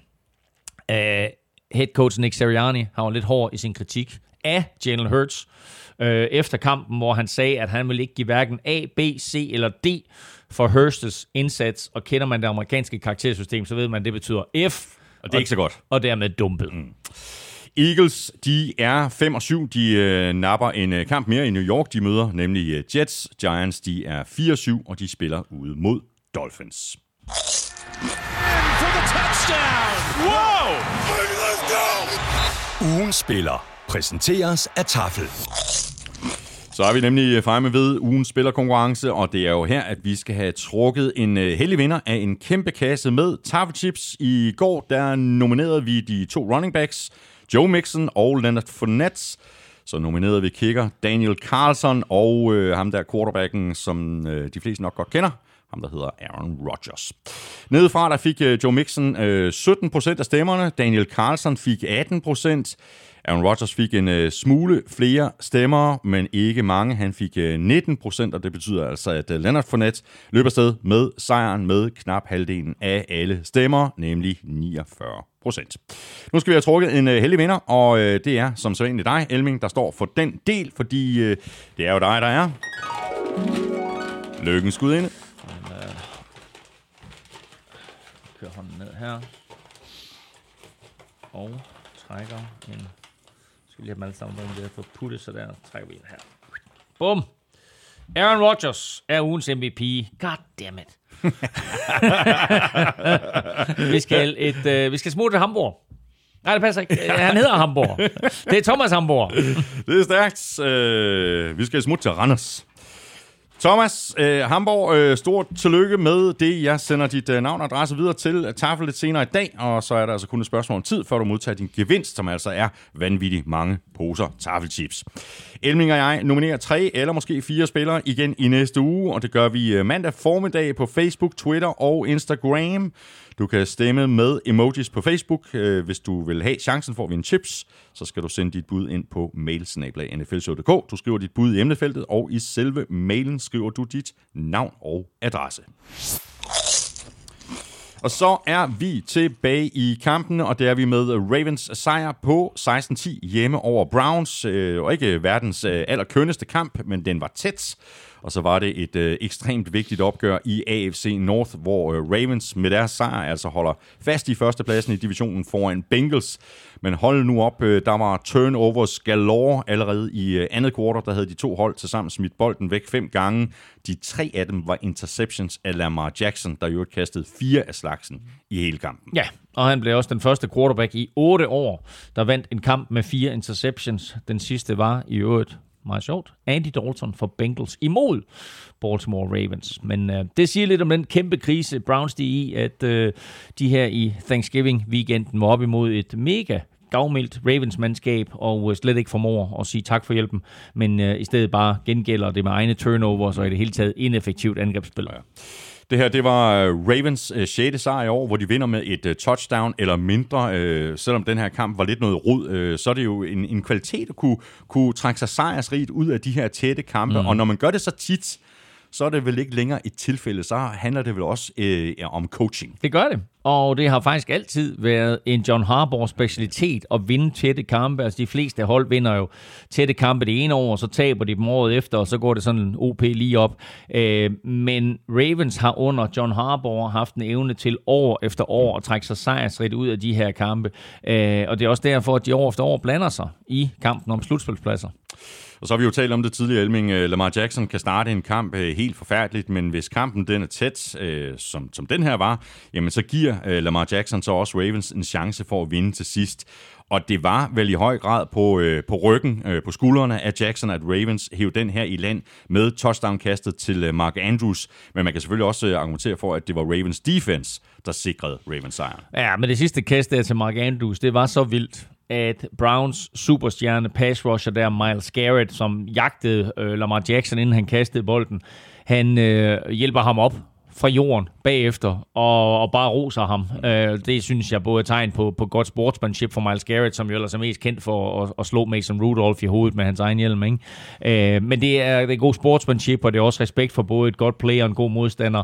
Øh, forsvaret, Ravens forsvar, var giftigt øh, lavede et hav af store spil og fik sat en prop i øh, Browns løbeangreb, øh, så Nick Chubb har en non-factor. Øh, og så meget interessant, så kommer øh, John Harbaugh jo også fra en baggrund som special teams koordinator, øh, og Ravens special teams er altid gode, det er de også i den her kamp, og så er Justin Tucker jo bare nærmest øh, Mr. Automatic fra ja, nærmest 60 yards ind efter, ikke? Baker Mayfield han spillede endnu en ikke så imponerende kamp, og værre for Browns angrebet var det, at øh, de, de kunne ikke rigtig få gang i løbeangrebet, selvom Kareem Hunt var tilbage, i øvrigt sammen med Nick Chubb, 40 yards på jorden. Det er godt nok ikke meget. Nej, det er lidt vildt, at de ikke kunne øh, få mere gang i den. Men, øh, men Ravens, de stillede op med otte mand i boksen og tog løbeangrebet væk og, og tvang Baker til at, at kaste bolden. Og øh, Rose Patrick Queen i sidste uge, han har altså et par vildt gode spil igen på forsvaret her, hvor han læser løbet lyn hurtigt og, og takler Nick Chop bag line of scrimmage. Øhm, men øh, de tvinger øh, Baker lidt til at skulle ud og vinde bolden ved, eller vinde kampen ved at kaste bolden, og det gik ikke skide godt. Øh, han var han var både upræcis, øh, han øh, kastede masser af, af små checkdowns, og, og flere gange, der synes jeg faktisk, at han virkede en... Panisk er måske for stort et ord, men det var sådan lidt, du ved, altså nu skal jeg bare slippe bolden, og nu skal, jeg, nu skal jeg få et eller andet til at ske. Øh, hans fumble i kampen kommer på et meget kritisk tidspunkt, øh, hvor de egentlig kan bringe sig øh, foran øh, Browns, og så øh, kommer øh, rookie Odafe Owe igennem øh, og, og stikker hænderne sådan op, og, og Baker kan ikke rigtig finde ud af at kaste bolden, og så slår Owe nærmest til hans arm og bolden på samme tid, og så fumbler han. Øh, og det var sådan meget symptomatisk for Bakers aften, og måske endda også lidt for ja. Browns sæson i det ja, hele taget. Ja, præcis. Men hvis vi skal prøve at lede efter en, en lidt positiv historie for Browns, øh, kunne det så være rookie linebacker J.O.K. Jeremiah Owusu-Koromora, han har altså en god sæson. Ja. Øh, 12 taklinger, to quarterback pressures, et quarterback hit og et halvt sack i den her kamp. Ja, jeg var vild med ham inden draften. Altså øh, hans, hans evne til at, at, at dække et meget, meget stort område, øh, synes jeg øh, gør ham ret unik. Øh, og han er en kæmpe tilføjelse til det her hold. Øh, han har været skadet et par kampe, men øh, det er helt tydeligt, at han forbedrer Browns forsvar, når han er med. Øh, det er det hele taget et rigtig godt forsvar, det her. Som jo altså laver øh, fire interceptions, men alligevel kan stå på sidelinjen og se Baker og company på angrebet formøble en sejr, som øh, jo kunne have sendt dem direkte ind i kampen ja. om divisionen, om playoffs, og altså, ved du hvad, helt ærligt, den, den måde, som sæsonen er skruet sammen på nu, faktisk også i teorien omkring første seed mm. i AFC. Nu taber de, og så er situationen helt anden. Ja. Browns, de er lige nu øh, 6 og 6. De er gået på deres øh, bye week. Ravens, de er 8 og 3, og de spiller ude mod Steelers. Og Steelers, øh, de fik øh, ørerne i maskinen mod øh, divisionsrivalerne fra Bengals i søndags, øh, der førte med 31-3 ved pausen. Roethlisberger og company de fik en snitter på hele 41-10, og dermed har Bengals altså vundet begge kampe over Steelers i år. Og øh, det er da et signal, der til at tage føle på, og som de garanteret har det lille bitte smule stramt med i, i Pittsburgh, hvor de ellers havde været vant til sådan mere eller mindre bare at kunne tryne Bengals. Ja, det sker ikke så tit, at de vinder begge kampe i en år. Det er 12 år siden, øh, at de vandt begge kampe over Steelers i samme sæson. Og så har de jo faktisk, fordi de vandt sidste år, så har de jo faktisk tre sejre i træk over Steelers, og det er ikke sket siden 1990, altså 31 år. Så det her, det er i sandhed både historisk og også et signal om, at øh, der blæser nye vinde i øh, Ohio, hvor øh, collegeholdet fra Cincinnati i øvrigt er ubesejret 12 og 0 øh, og kommer til at kæmpe med om college-mesterskabet. Så lige nu, der tænker de jo dobbelt mesterskab, dobbelt fodboldmesterskab i Cincy. Ja. En kamp ad gangen. Okay. Stor kamp af, af Joe Mixon i øvrigt. Øh, 28 løb for 165 yards og to touchdowns, og i luften, der plejer vi jo at have fokus på Jamar Chase. Men her øh, skal vi vel også rose T. Higgins for, for mm. hans kamp. Øh, seks grebne bolde for 114 yards og touchdown. Ja, hvis vi lige bliver ved det historiske, så har Mixon lige scoret to touchdowns, fire kampe i træk. Det er ikke sket i NFL, siden Steven Jackson gjorde det for Rams wow. i 2006. Wow. Ja, så det er 15 år. Uh, hans otte kampe i træk med et touchdown er Bengals rekord. Uh, men som du siger, uh, noget af det mere positive, og måske det mest positive, det var jo netop, at vi så T. Higgins igen. Uh, og altså kan, kan, kan Burrow fordele bolden til Chase Higgins, til Jamar Chase og, og, og T. Higgins og, og Tyler Boyd Boyd med flere, mm. og så de samtidig har øh, Joe Mixon der, så bliver det her Bengals angreb ret sjovt at følge resten af sæsonen. Ja. Og Bengals, de øh, dominerede Steelers fra start til slut i den her kamp. De vandt time of possession med næsten 10 minutter. Bengals, de ligger nummer to i øh, divisionen. Er Bengals så også det næstbedste hold i divisionen, og er de måske ovenikøbet en udfordrer til Ravens på førstepladsen? Nu øh, talte du sådan om, ja. om drømme om øh, to gange mesterskab mm. og så videre, men så skal man jo gerne lige øh, for, forbi Ravens, ikke? Der er ikke, der er ikke noget hold, der har Lamar Jackson. Men når det så er sagt, så synes jeg faktisk, at Bengals er det mest helstøbte hold i AFC North. Uh, men problemet er måske, at det er de ikke vant til. Nej, det er det. Så spillerne og trænerne, de skal måske lige vende sig til, at de for det første er favoritter af jer til.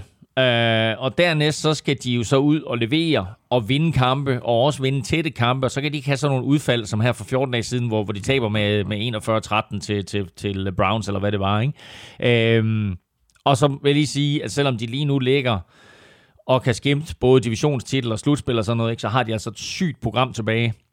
Chargers, 49ers, Broncos, så Ravens, inden de slutter af med Chiefs og Browns. Au, det er altså en, det er en, det er en grimmer en, men uh, du har jo, du har jo fat i en lang indælmning, fordi det handler lige præcis om at vende sådan en taberkultur til vinderkultur. Mm. Og vi skal jo bare kigge på, uh, hvordan det går i Cleveland, ikke? Uh, hvor store problemer de stadigvæk har med sådan ligesom at sige, ja, men vi forventer at vinde, og vi skal ud og vinde, og sådan noget. Og så, ja, det er, så, gået, det er så, lidt nemmere for Cincy, altså vil jeg sige. Det har taget ja. virkelig, virkelig lang tid for, for, for Browns. Ikke at det ikke har det for, for, for Cincy, men altså det er ligesom om, at den her sæson jo er kommet bag på rigtig, rigtig mange, hvor godt de spiller. Ikke? Roethlisberger øh, startede sæsonen øh, rigtig skidt, så virkede det til, at han spillede sig sådan lidt op, og han så faktisk øh, okay ud i forrige uge. Øh, det her, det var sådan lidt tilbage til start. Øh, det var sådan meget øh, af det samme, med de samme korte kast hele tiden. Ingen eksplosion, ingen reel trussel. Mm. Og så blev øh, Roethlisberger altså sækket tre gange. Det ene var et strip sack, så kastede han to interceptions. Den ene var et øh, pick six og så kunne Steelers heller ikke få løbespillet til at fungere overhovedet. 51 yards på jorden blev det til i hele kampen. Det er ikke godt, og det gjorde selvfølgelig heller ikke øh, livet nemmere for Roethlisberger. Nej, og, og uden løbeangreb, så så vi jo både Big Bens begrænsninger og også øh, lidt hans alder. Øh, og den der pick 6, det var faktisk ikke til at have hvem som helst. Det var til Mike Hilton, som jeg spillede for, for Steelers sidste år, og som var super skuffet over, at han ikke fik en kontraktforlængelse. I stedet så skiftede han så til, øh, til divisionsrivalen Bengals, og øh, han holdt faktisk holdets pep-talk inden det første møde i sæsonen, hvor han sagde til sine nye holdkammerater, det er den bedste måde at bevise, at man kunne bide skære med de store, det var at gå ud og slå Steelers to gange. Mission accomplished. Præcis. Og lige nu, der er Bengals øh, 7 og 4. De får besøg af Chargers. Steelers, de er 5, 5 og 1, og de spiller hjemme mod Ravens. Og så var vi jo øh, rigtig spændte på at øh, se, om Patriots kunne fortsætte deres sejrstime hjemme mod Titans. Det kunne de. Patriots de førte med øh, 16-13 ved pausen og endte med at øh, vinde kampen med 36-13 efter at have vundet de to sidste quarters med 10-0 og 10-0. Og nu har Patriots altså vundet seks kampe i træk. Øh, det, det er svært ikke at være imponeret over det, som Bill Belichick har fået skudt sammen i New England, og nu virker det sådan mere eller mindre til, at spillerne går på banen øh, sådan med en, en tro på, jamen vi kan ikke tabe. Mm. Og, så, og så er et hold farligt, ikke? Hvis spillerne sådan har en, en fornemmelse, at vi kan ikke tabe, det jo, kan ikke lade sig gøre. Det er jo vildt. Det er jo, det er jo Bill Belichick aura, det er jo en Patriots aura, som, som bare er kommet tilbage, ikke? Altså, Patriots er lige nu det eneste hold i NFL med seks sejre i træk. Øh, jeg så sådan en statistik over, at de igennem de sidste øh, 20 år har haft 15 sæsoner, hvor de har haft seks sejre i træk. Mm. Altså, det er bare imponerende, ikke? Øhm, Bill Belichick er jo godt i gang med at bevise, at han kan klare sig uden Tom Brady, og øh, øh, der har været sådan lidt spil omkring, hvem der betød mest for de her seks Super Bowls, om det nu var Bill Belichick, eller det var Tom Brady. Øhm, og sådan... Øh, Brady tog nok det første stik sidste år mm. med sin Super Bowl sejr, så, så sagde jeg lidt, ah, men det var Brady skyld og så videre. Det, han betød meget mere for det Patriots-mandskab, end Bill Belichick han gjorde. Nu må jeg bare sige, at Belichick han er godt på vej til at bevise, at han måske har en lille bitte andel. lille bitte andel i den der succes også. Prøv at de anden seed i AFC, og det er altså med en rookie quarterback. Ja. Og så det her øh, Patriots forsvar, jeg tror også, vi talte om det i sidste uge, eller også var det i forrige uge, det er altså bundsolidt, og så laver de turnovers, ja. og de laver mange turnovers, og øh, det er jo bare en god måde at vinde øh, fodboldkampe på. Ja, og det, det forsvar, som Bill Belichick han har fået skruet sammen her, det bringer jo minder tilbage om, om de allerbedste forsvar, han havde der i starten af 2000-tallet. Øh, Chargers scorede 24 point mod dem, men ellers så har de ikke tilladt mere end 13 point i den her seks kampe sejrstime. Øh, cornerback JC Jackson er i øvrigt sådan, synes jeg faktisk lidt et outside bud på at blive defensive player of the year. Han har i den her kamp både en forced fumble og en interception. Nu er han altså op på syv interceptions øh, og i sæsonen er kun overgået af, af Trevor Dix, der har 8. Men altså, skulle jeg gætte på lige nu, hvem er de to, der ender med flest i sæsonen, så tror jeg, det vil pege på ham, der spiller i, i Belichicks forsvar. Øh, JC Jacksons 16 interceptions i de sidste to sæsoner er jo et flest af alle i Patriots historie. Wow. Okay. JC Jackson, man tænker sådan, JC Jackson. Undrafted, og øh, endnu en af de her, der bare bliver en superstjerne i Belichicks forsvar. Og så tror jeg, jeg siger det hver eneste uge. Øh, du har også lige øh, nævnt ham, øh, rookie quarterbacken Mac Jones. Han bliver bare stille og roligt bedre og bedre. Han bliver ikke sådan bedt om alverden. Det er bare stabilt og, og stort set fejlfrit mm. alt det, han laver. 23 af 32 for 310 yards og to touchdowns, og så var han i øvrigt 11 af 11 på play action. Meget imponerende. Men, men det er jo også noget, som... Tænk tilbage på den måde, som Brady han spillede på i det her angreb. Ikke? Mm. Så kom der sådan en play-action, og så havde du en, en, en Wes Welker-type, øh, eller en Gronk, eller en eller anden ikke ind over midten, og så, og så var, var Brady bare super stabil. Ja. Og det er lidt den samme playbook, som Josh McDaniels han har givet til Mac Jones her. Ikke? Øh, det er bare nogle andre spillere. Øh, og så selvfølgelig den her rookie, som bare bliver bedre og bedre. Og det gør han det her. Det er hans første kamp med øh, over 300 yards i, i karrieren. Han rammer på lidt over to tredjedel af sin kast. Øh, Øh, han laver ingen interceptions, han laver ingen fumbles. Øh, jeg troede, at han ville få sin sag for imod øh, det her Titans forsvar, men han var iskold hele vejen. Øh, hans eneste fejl er jo sådan set et touchdown, han ikke rammer, hvor han misser øh, Hunter Henry øh, i, i endzonen. Øh, og ellers så er han jo bare super stabil. En af de ting, som øh, Patriots og Bill Belichick jo har excelleret i i mange år, det er jo hele det her koncept om next man up, og det var så lidt det, som Mike Rabel øh, skulle forsøge sig med. Øh, han var uden Derrick Henry, det har han mm. været et godt stykke tid efterhånden. Så var han også uden A.J. Brown, og han var uden Julio Jones. Var det simpelthen for mange playmakers at undvære på én gang for Rabel? Ja, i hvert fald for mange receiver, fordi man kunne ikke se på løbeangrebet, at de mangler Derrick Henry. Altså som hold, der løber de jo for vanvittige 270 yards med to mand over 100 mm. yards, så den hænger jo mere på Ryan Tannehill, øh, og han har det bestemt ikke nemt. Altså øh, Julio er ude, A.J. Brown er, er ude, begge to på injured reserve. Øh, Josh Reynolds griber bolden nu, i, eller touchdowns for en tages skyld, i Detroit. Øh, John Smith griber tre bolde i den her kamp for 49 yards, men øh, han spiller for Patriots. Ja. Så, så altså, Tannehill, han har ikke mange våben i kastangrebet, der er værd at nævne. Øhm, ingen Titans-spillere griber mere end to bolde Nej. i den her kamp, og hvis jeg bad dig om at nævne dem, så kunne jeg ikke. Det kunne du ikke. Nej. Altså, det er totalt no-names. Det var godt, det ikke var quizzen. Ja, præcis. og ved du hvad? Jeg overvejede faktisk at lave quizzen, og så læse efternavnene op uh, på de spillere, der havde grebet bolden, og så ville jeg have bedt om at sige fornavnene. Det er helt, det er helt umuligt. Nå, men hvad det hedder, uh, Titans, altså nu er du uh, lidt inde på det her med, med, med, med Titans uh, løbeangreb, og de sådan, forsøger at finde ind i en rytme ja. uden Derrick Henry. Uh, de har sagt uh, farvel til Adrian Peterson, det endte med at være en, en kort fornøjelse. Ja, det må sige. Nu er han altså på gaden i, i igen, men det er vel en godkendt øh, indsats, en mere end godkendt indsats af Deontay Foreman og Dontrell Hilliard, øh, der mm. tilsammen fik hvad fik de? 240 yards på 31 løb. Altså, det ja. må vel give øh, fornyet håb om, at det her angreb, det kan komme til at fungere, og at uh, Ryan Tannehill dermed også ligesom får de arbejdsbetingelser, som han fungerer bedst under, altså hvor han kan læne sig op af et løbeangreb. Han har jo været bedst, når der sådan et, apropos play action, som vi talte mm. med Mac Jones, så har han jo faktisk været bedst, når han har kunne lave noget play action Og øh, her, der ved jeg ikke, om det er, fordi hans receiver ikke er dygtig nok, om de ikke er i stand til at, at løbe sig nok fri til, at han kan ramme dem. Men i hvert fald så er han jo vanvittigt ineffektiv. Jeg tror, at kaster han ikke kun for 96 yards i kampen, eller sådan noget. Ikke? Altså, det er sådan helt, helt vanvittigt lavt tal. det er 3, 93 yards eller sådan noget. 93 yards, ikke? altså sådan fuldstændig vanvittigt lavt tal. Øhm, men altså, hvis man, hvis man kan kigge på lidt positivt for Titans. De starter jo benhårdt ud i sæsonen, så nu har de tabt to i træk, det vil sige, de er 8 og 4. Colts taber i weekenden, så de er 6 og 6, men Titans har besejret Colts to gange, mm. så de holder, de holder tiebreakerne også. Det betyder reelt, at de er tre kampe foran. Tre sejre foran med fem kampe tilbage. Det burde de jo være i stand til at holde fast i. Øh, og i hvert fald længe nok til, at A.J. Brown kommer tilbage, og måske også Julio Jones, og så er det jo pludselig et helt andet hold. Og og, og så er der jo i yderste teori også en chance for, at Derrick Henry han kommer tilbage til slutspillet. Ja. Og sker det, så kan alt jo ske. Men øh, lige nu, der må vi bare sige, der har de altså svært ved en, ved en, ved en fodboldkampe. Og Titans, de er 8 og 4. De er gået på deres uh, bye week. Patriots, de er også 8 og 4, og de skal et meget, meget interessant smut til Buffalo og spille mod Bills. Glæder mig til at høre, hvem du tager i picks der. Jeg går, når jeg er meget i tvivl. Jamen, det er først mandag, så jeg tager den først på søndag. ja, den er god med dig. Videre til uh, Broncos, uh, der vandt med 28-13 hjemme over Chargers. Broncos, de bragte sig foran med 14-0 i første kvartal. Bridgewater gik ud med en skade, så kom uh, Drew Lock ind som erstatning i, øh, i resten af første halvleg. Han kvitterede så med at kaste en interception ganske kort tid før pausen, som øh, Chargers så vekslede til 7 point i den modsatte ende, og dermed stod der altså 14-7 til Broncos ved pausen.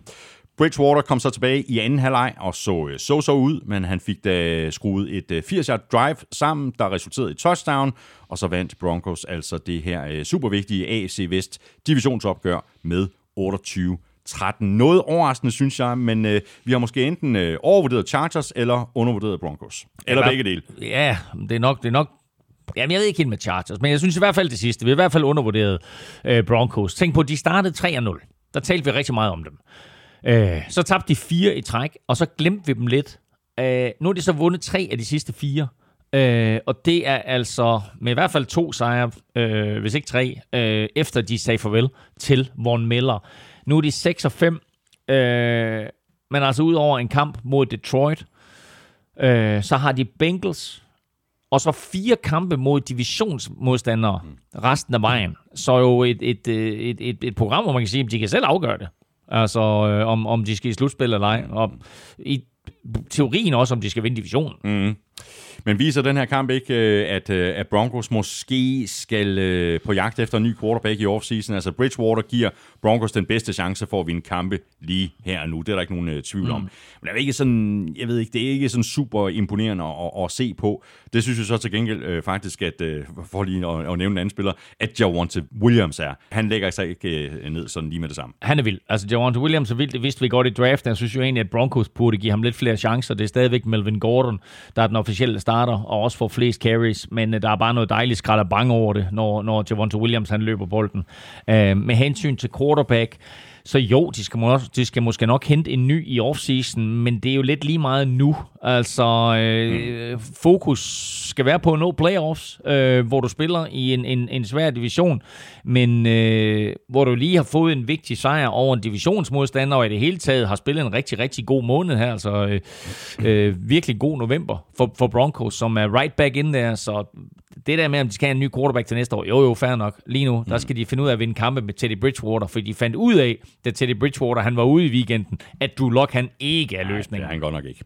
Når vi har talt uh, Broncos defense, så har vi jo uh, meget tit talt om uh, no-fly zone, og uh, de interceptede jo også uh, Justin Herbert et par gange, men deres pass rush mm. var også effektivt i den her kamp. Uh, Bradley Chop var tilbage, han var inde på et uh, begrænset antal snaps, men med eller uden uh, der fik linjen lagt godt pres på Chargers offensiv linje, og de kom ind til Herbert øh, rigtig mange gange. 16 pressures, mm. 10 hits og 3 sacks på Herbert.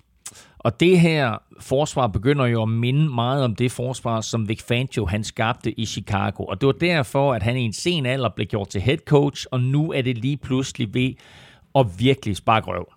Øh, og det vilde det hele, det er, at alle det her pres og alle de her sacks, øh, de kommer jo faktisk efter, at de har sagt farvel til Von Miller. De havde, som du siger, Bradley Chop tilbage for første gang i forever. Uh, han gør ikke det store væsen af sig, men uh, Broncos nærmer sig en tilstand, hvor de er skadesfri på forsvaret, og det synes jeg, man kunne se i den her kamp, hvor de lukkede helt ned for løbet, og samtidig var hurtige og effektive mod kastet. Øh, de tillader godt nok 303 yards i luften, men de laver altså også 3-6 og laver to interceptions. Begge i øvrigt af, af rookie Patrick Sertan, mm. som så også lige scorede en pick 6. Hans første i karrieren, og en lille sjov note, lille sjov detalje, er, at hans fars, det her det var hans første pick 6, det var på Mile High. Hans fars sidste pick 6 var også på Mile High. Ah, så, that's, a, that's a good one. Ja. Var det her et, øh, et lille skridt øh, tilbage for Chargers og for øh, Justin Herbert? Altså er jeg efterhånden lidt svært ved at finde ud af, om, om de er gode, eller om de er knap så gode. Ja, det er jo lidt NFL i en nødskal, ikke? Uh, og måske Måske især den her sæson mm. i en nødskal. Øh, vi, vi aner jo ikke rigtig, hvem de gode hold er. Jo, jo, altså de der tophold der, øh, dem har vi nogenlunde styr på, men der er sådan en kæmpe midterfelt, øh, der bare sådan lidt slår hinanden på kryds og tværs. Øh, Justin Herbert øh, laver et par fejl her, der bliver kostbare. Øh, ved den første interception, i Broncos endzone, der står det jo faktisk 14-7, så i stedet for, at det står 14-14, så kører Broncos jo ned og gør det til 21-7. Øh, den anden interception er den her pick 6, der gør det til 28-7, så egentlig var kampen jo tættere end resultatet, men øh, han havde det svært, Justin mm, Herbert, mm. Øh, i, i, imod det her forsvar, men altså øh, kampen her, og, og det faktum, at Broncos vinder, og at mange af de resultater rundt omkring, er jo bare en indikation af, at vi har gang i en virkelig, virkelig fed NFL-sæson. Ja, det har vi virkelig. Der er mange tætte divisioner, og bare den her division, altså AAC Vest, vanvittigt tæt og spændende. Chiefs 7 og 4, Chargers 6 og 5, Broncos 6 og 5, Raiders 6 og 5. det fedt, ikke? Det er jo altså, crazy, ja, altså. Ja. Det, er, ah, det, det bliver en, en monster december, vi går ja. ind i. Broncos, de er altså 6 og 5. De spiller ude mod Chiefs i den sene søndagskamp. Chargers, de er også 6 og 5, og de spiller ude mod Bengals, hvor er der nogle fede matchups. Og så troede vi jo begge, at uh, Colts ville uh, fortsætte de gode takter, og at de ville slå uh, Buccaneers på hjemmebane. Sådan uh, gik det ikke, selvom uh, Colts var foran med uh, 24-14 ved pausen, og var foran igen i fjerde kvartal, og hvor det flere gange undervejs i kampen virkede til, at de bare sådan lige manglede at snøre sækken til. Og det skal man huske at gøre, når Tom Brady står på den anden mm. side, fordi uh, giver man ham en uh, lillefinger, så ender han tit med at tage hele underarmen, og det gjorde han med lidt hjælp fra Leonard Fournette. Buccaneers de kom fra baghjul og vandt med 38-31 i Indianapolis. Box er bare et godt hold, og Tom Brady er bare en god quarterback, og tænker vi tilbage på sidste år, så tabte de jo ikke en eneste kamp efter Thanksgiving. Og giver du Brady chancen for at vinde en tæt kamp, så er det jo meget sjældent, at han kikser. Mm. Øh, og ja, øh, Leonard Fournette, eller skulle vi kalde ham Leonard for touchdowns, var god, men øh, den helt store i kampen her, øh, den helt store historie i kampen her, det synes jeg nu far var, var, var Box forsvar, der lavede fem turnovers. Ja, men øh, sikke en kamp af Leonard Fournette, altså 17 løb for 100 yards og 3 touchdowns, plus 7 grebne bolde for 31 yards og et touchdown. Ja, han er måske lidt den glemte tilføjelse fra, fra, fra sidste år, ikke? Altså tænk på, at øh, Bruce Arians bænkede ham sidste år, fordi han så over ikke at, at få bolden nok. Øh, han skulle lige finde ud af det der med, at han reelt var backup til Rojo, og at det er en holdsport og sådan noget. Men øh, nu virker det som om, han pludselig er, er blevet nummer et, øh, og er virkelig blomstret øh, i rollen der som arbejdshest. Øh, han nærmer sig 1000 yards sammenlagt i sæsonen, og hans 51 grebne bolde er faktisk flere end Mike Evans. Ja, crazy. Ikke? Altså, der kan du også tale om en spiller, du ved, som måske siger, hey, men det, er der, det er mig, der er receiveren, ikke? Men altså, det er det der med at få bygget et hold, som spiller for hinanden og så videre, og så er det, er det lidt op til Tom Brady, hvordan, øh, ja. hvordan han fordeler bolden. Øh, det var jo Leonard Fournettes øh, første kamp i karrieren med fire touchdowns. Uh, men, og det er selvfølgelig historien, det er de fire touchdowns, men jeg synes jo faktisk meget afgørende, det var de der tunge løb, mm. han havde uh, til sidst i fjerde kvartal, som bare blev ved med at flytte kæderne, og som reelt afgjorde kampen. Vi sad jo så uh, fodbold sammen i, i søndag, så man kunne bare mærke, hvor det bare henad i anden halvleg. Altså Brady ved, hvad der skal til for at vinde fodboldkampe, uh, og han ved lige præcis, hvornår han skal slå til. Øh, og så spillede hans øh, gode gamle Kammerchuk fra, fra New England, øh, Gronkowski, i øvrigt også en super kamp med syv grebne bolde for 123 mm. yards. Og ved du hvad? Det er skræmmende. Og det er skræmmende for de kommende modstandere. Han ser rask ud, og selvom det måske ikke går helt så stærkt som, øh, så tid, som tidligere, øh, så griber han syv bolde for, for 123 yards, og Coles kunne ikke rigtig håndtere ham. Den der connection, han har med Brady, og hans evne til at lave plays ned gennem midten af banen. Altså, det kan godt blive vigtigt øh, for Box, øh, og de er jo meget sværere at stoppe, øh, eller lad os sige det på en måde, den, den type af play, er meget sværere at stoppe, end det er for eksempel at sætte en prop i et løbeangreb. Mm. Du kan sige, fint nok, så sætter vi otte mand op, og så stopper vi løbeangrebet. Ikke? Leonard Fournette, han skal i hvert fald ikke slå os. Men at få Gronk ned igennem midten af banen, hvor du ved, at han er en, han er en halv meter bredere og en halv meter højere, end de spillere, han løber ned igennem midten og skal dækkes op af. Ja, det er næsten umuligt, ikke? Det er virkelig svært, og ja. det var en kæmpe force, det de to var sammen i New England. Og på den måde, han spillede i weekenden på her, der er han altså også en force, Gronkowski. Og det er måske sådan lidt noget, man ikke rigtig tænker over. Ham i en rask udgave, connection mellem ham og Brady, super giftigt. Ja. Og så fik vi altså øh, endnu en øh, sådan lige ved og næsten sejr til Colts. Øh, det er jo ikke fordi, at Frank Reich ikke er klar til at satse butikken. Det virkede jo lige præcis til, at han, han var bevidst om, at field goals ikke er nok imod Buccaneers, og især nok imod Brady. Og det var så også derfor, han gik på den på fjerde down umiddelbart før pausen. Mm. Et sats, men den her gang med gevinst. Ja, han blev også spurgt til det af tv-reporteren, og, og han sagde jo netop, at med Brady på den anden sidelinje, der skulle man tage alle de point, man kommer i nærheden af. Og, du kender lidt min holdning til det, men, men her der gik det godt. Øh, at de så ikke vandt, det er jo så en, en helt anden historie. Carson Wentz øh, spillede vel på, øh, på mange måder en, en, en god kamp. Øh, det er altså også hans fumble, der sådan for alvor lukkede Buccaneers ind i kampen. Det strip sack mm. blev vekslet til øh, syv point i den modsatte ende, og på den øh, efterfølgende angrebsserie, der kastede han en interception så moffede øh, Colts så også lige et punt, men, øh, men det virker som om, at, øh, at kæden mere eller mindre hoppede af i, i anden halvleg, hvor Box de satte 17 point på tavlen i træk, og ja, turnovers will kill you. Mm. Colts lavede fem af slagsen. Ja, og det er så vildt, som, som turnovers, de kan vende kamp på hovedet. Hvor Colts, de foran efter det touchdown der, hvor de går efter den til sidst i, i, i første halvleg, i stedet for at sparke field goal, så er de foran med 10. De får en 24-14 i starten af anden halvleg, og de kører ned af banen. Box er lidt på hælene. Mm. Øh, og så kommer der et sack, hvor Wentz han fumbler. I stedet for måske at køre ned og gøre det til 27-17, eller måske i bedste fald 31-17, så fumbler Wentz. Som du siger, det bliver væk, vekslet til et uh, box touchdown. Næste drive, Wentz interception, box touchdown. Så fra næsten at have stået med en 17 point føring, så er de pludselig bagud med 4 og det gik bare stærkt.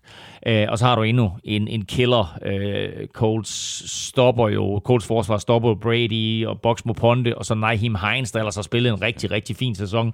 Han moffer det der punt på egen 6 linje Det førte så heldigvis i gåsøjne kun til et uh, field goal, men øh, det er tre turnovers, som kommer på kritiske tidspunkter, og som bare afgør den her kamp til, til Box fordel. Og Colts, de er 6 og 6. De spiller ud mod Texans. Bucks, de er 8 og 3, og de skal til øh, Atlanta og spille mod Falcons.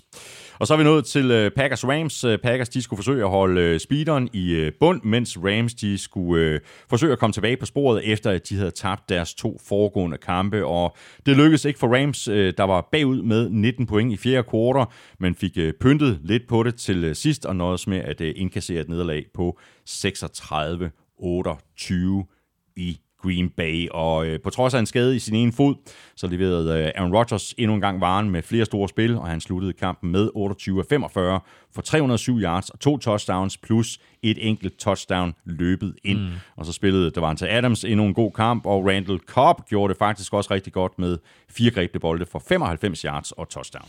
Ja, jeg fik, jeg fik jeg vist sagt i sidste uge, at, øh, at Packers de havde fri uge, og det var godt for Rodgers, at han kunne få en pause. Men nu kommer den fri uge, mm. faktisk. Så nu kan han få lidt ro, og forhåbentlig så er David Bakhtiari også tilbage på, øh, på venstre tackle om 14 dage. Men man kunne ikke se her, at øh, Packers de spillede backups på den offensive linje, og at, at Rodgers han, øh, har den der skadede fod. Øh, han var forrygende og han leverede den ene sukkerball ja. efter den anden. Det ene kast der ned ad sidelinjen til Devonta Adams i triple coverage. Fuldstændig crazy. Ikke? Altså, der er ikke ret mange quarterbacks i ligaen, der leverer det. For det første er de tør kasten, og for det andet, at de har en receiver, som på den måde bare laver det catch der, og så ind i mellem tre forsvarsspillere. Ja. Fuldstændig vanvittigt. Anyway, hans bedste play på dagen er næsten det touchdown, han løber ind selv, Rodgers. For der snyder han altså Jalen Ramsey. Og der er, jeg så et billede i går, som er helt fantastisk. Altså Aaron Rodgers, han står sådan og ligner, jeg ved ikke, altså, øh, ja, han, han, han, han udstråler overlegenhed. Og så om bagved, op ad banden, der ligger Jalen Ramsey sådan nærmest krøllet sammen. Og jeg tror, det var, det var uh, øh, CJ, eller AJ Dillon, som bare skrev uh, et eller andet, uh, this picture uh, says everything, ikke? Altså, fordi det var bare, altså, det var aldrende Aaron Rodgers, som fuldstændig tog pis på Jalen Ramsey, ikke? Og nu nævner du øh, uh, AJ Dillon. Uh, ham bliver vi også nødt til at rose for hans uh, indsats på jorden. Uh, 20 løb for 69 yards. Uh, det, det lyder ikke sådan uh, umiddelbart af voldsomt meget, men han har altså en... Uh, fantastisk evne til at løbe gennem taklinger, lige få lidt ekstra yards, så på den måde så var han jo øh, sammen med Aaron Jones selvfølgelig øh, med til at tage en, øh, en masse tid af klokken og holde øh, Sean McVay og Rams angreb fra at komme ind på banen. Packers de vandt time of possession med 39-40 mod 2020. Det er altså temmelig markant. Ja, næsten to tredjedel af kampen har de bolden, øh, og, det er, og det er markant. Øh, men det er også historien i den her kamp, at Packers de flyttede bolden metodisk, og, og når Rams havde succes, så var det altså ofte med store spil. Øh, Dillons touchdown var i øvrigt også bare tungt. Ikke? Altså, han griber bolden på 5 linjen øh, og selvom der er tre Rams-spillere øh, mellem ham og mållinjen, så øh, buller han jo bare bolden ind til, øh, til touchdown. Øh, han har jo de her enorme øh, lårmuskler, altså hans quadricep øh, er angiveligt NFL's største, og ikke bare har han specialsyede bukser, han har også navngivet øh, begge sine lårmuskler, sådan så den ene hedder Quadzilla, og den anden hedder The Quadfather. Hvor det stort. Packers defense, øh, skal vi også lige tale om, øh, spillede også en rigtig god kamp. Øh, fik lagt pres på Matthew Stafford 18 gange, sækkede ham to gange, øh, forsvarede otte bolde i luften og lavede en pick 6. Mm. Øh, det er en øh, stabil produktion.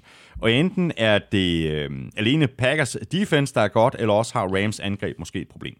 Ja, og så er det altså tredje udtræk, at Matthew Stafford han kaster en pick 6. Ja. Til sammenligning, så har Aaron Rodgers tre i karrieren. Uh, på den anden side, så er der ingen hold i NFL, der laver så mange øh, store spil, øh, som Rams gør. Altså, de har nu ni i sæsonen over 50 yards, og både Van Jefferson og Odell Beckham Jr. Øh, griber touchdowns her. Men øh, generelt så efter, at Vikings i sidste uge havde rigtig godt styr på Packers forsvar, så kom de altså tilbage og leverede en meget, meget flot kamp imod øh, mod Rams her. Og nu har Rams altså tabt øh, tre kampe i træk. Du nævner det lige, Matthew Stafford har kastet en pick 6 i hver af de tre kampe. Jeg siger at det er hans skyld, at øh, det her potentielt øh, højoktan angreb fra LA kører mere eller mindre på halv kraft i øjeblikket, men et eller andet er der der galt. Også løbeangrebet, der jo slet ikke virker til at være i gear. Og det er meget interessant, fordi øh, i forrige uge, eller for tre uger siden, da de hentede Odell Beckham Jr., der smed de jo sådan et tweet op, hvor de skrev, we're all in, og så var der sådan en gift med en eller anden mand, der sad og smed alle pengene på, på øh, et eller andet casinobord. Øh, den gift der, den får de altså tilbage i ja, hovedet lige nu. ikke. Ja. De har tabt tre kampe i træk. Det er første gang i McVay-æraen, at Rams har tabt tre kampe i træk, og de er nu 7 og 4. Øh, til Halloween, der var de altså 7 og 1. Øh, og så ved jeg ikke, om de besluttede sig for at klæde sig ud som Matthew Staffords gamle Lions, eller hvad der skete, men øh, de går ud af november uden en eneste sejr. Øh, det betyder, at de er faldet langt efter Cardinals, der sad over i den her weekend, og samtidig, at de bliver presset bagfra mm. af 49ers. Mm. Ja, nu nævner du det også lige, uh, Odell Beckham, han fik jo sit uh, første touchdown som Rams-spiller. Uh, det var så først meget sent i kampen. Han var stort set ikke en, en, en faktor, før det i virkeligheden var for sent. Næste kamp for Rams, det er mod Jaguars, og her skulle Rams altså gerne få tingene til at fungere igen, så de kan få vendt skuden, fordi ellers, for ellers er det, altså hvis de ikke slår Jaguars, så, så er løbet ved at være kørt. Ikke? Jamen altså, det er en must-win-kamp, og, og, og slår de ikke Jaguars, så brænder fan, Rams-fans kun nok SoFi Stadium ned, og det er lidt uheldigt, for jeg skal derind om 14 dage. Ja, det er dårlig timing. Ja, det er virkelig dårlig timing. Men, men øh, lige med hensyn til Odell Beckham Jr., så vil jeg lige rose ham. Fordi da han scorer, der kan man næsten se, at nu skal han ud og vise sig frem. Øh, men så er det ligesom, at han tænker sig om og erkender, at hans hold er langt bagud, og øh, han beslutter sig for ikke at lave sådan en se mig, se mig fejring. Og det er faktisk en attitude, som vi ikke er vant til at se fra ham, og som jeg tænker kan give ham succes mm. hos det her Rams-mandskab. Rams er 7 og 4, og de spiller hjemme mod øh, Jaguars. Packers, de er 9 og 3, og de er gået på deres øh, bye week. Og så mangler vi kun øh, desserten, Elming. Øh, er du lækker sulten?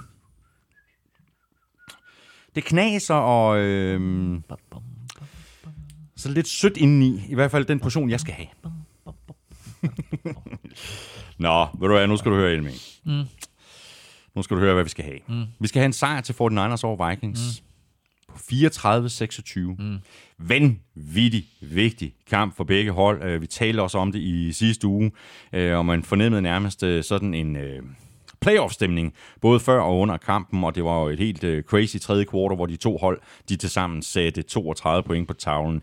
En vild kamp i det hele taget, og den blev lige lidt vildere til allersidst, da Robbie Gold han missede et uh, kort field goal, og Vikings fik en uh, sidste chance for at køre op af banen og score touchdown, og så skulle de så også lige lave en two-point conversion, men ingen timeouts at arbejde med. Nej, men det der med timeouts, det synes jeg faktisk var lidt lige meget, fordi de kom, øh, de kom hurtigt ned ad banen, Vikings, øh, og jeg sad der faktisk og regnede med, eller i hvert fald håbede på, at de ville score touchdown, men øh, på tredje down bliver de lidt snydt for en pass interference, og på fjerde down på 49ers 40-linje, der er Kirk Cousins øh, upræcis. Mm. Øh, og Justin Jefferson sender ham bare sådan en blik med, hvad laver du? Ja. Og det var faktisk anden gang i kampen, han sendte ham det blik der, så, så selvom der har været en fin connection her de sidste par uger, så er der altså også en forventning om, at han leverer bedre bolde, uh, Kirk Cousins. Så uh, det, blev, det blev til hverken uh, comeback eller overtime. Så talte vi om det i, indledningen af, af udsendelsen. Uh, Vikings mistede Dalvin Cook, for Niners de mistede Debo Samuel, super vigtige spillere for begge hold. Uh, ikke bare i den her kamp, men, uh, men i det hele taget. Ikke? Jo, altså, jo, helt sikkert. Altså to, to, super, to superstjerner på hver sin måde. Dalvin Cook er running back i årets bogstaveligste forstand, øh, og selvfølgelig super vigtig for Vikings angreb. Det vidste vi godt inden sæsonen. Men at Debo Samuel er blevet så alsidigt og vigtigt et våben for 49ers, den havde vi nok ikke set komme. Øh, han løber to touchdowns ind, inden han modgår med, med den her lyskeskade. Da vi talte om det her matchup i, i, i sidste uge, øh, Elming, da vi skulle lave vores øh, picks, der sagde du, at du troede, at Vikings ville vinde kampen, Øh, om ikke andet så fordi, at øh, du synes, at Kirk Cousins er en bedre quarterback end Jimmy Garoppolo. Mm. Det behøver vi ikke at, at, at, at bruge lang tid øh, på at, at tage os rundt i at diskutere, men vi kan vel konstatere, at ingen af de her to quarterbacks, hverken Kirk Cousins eller Jimmy Garoppolo, spillede nogen specielt god kamp.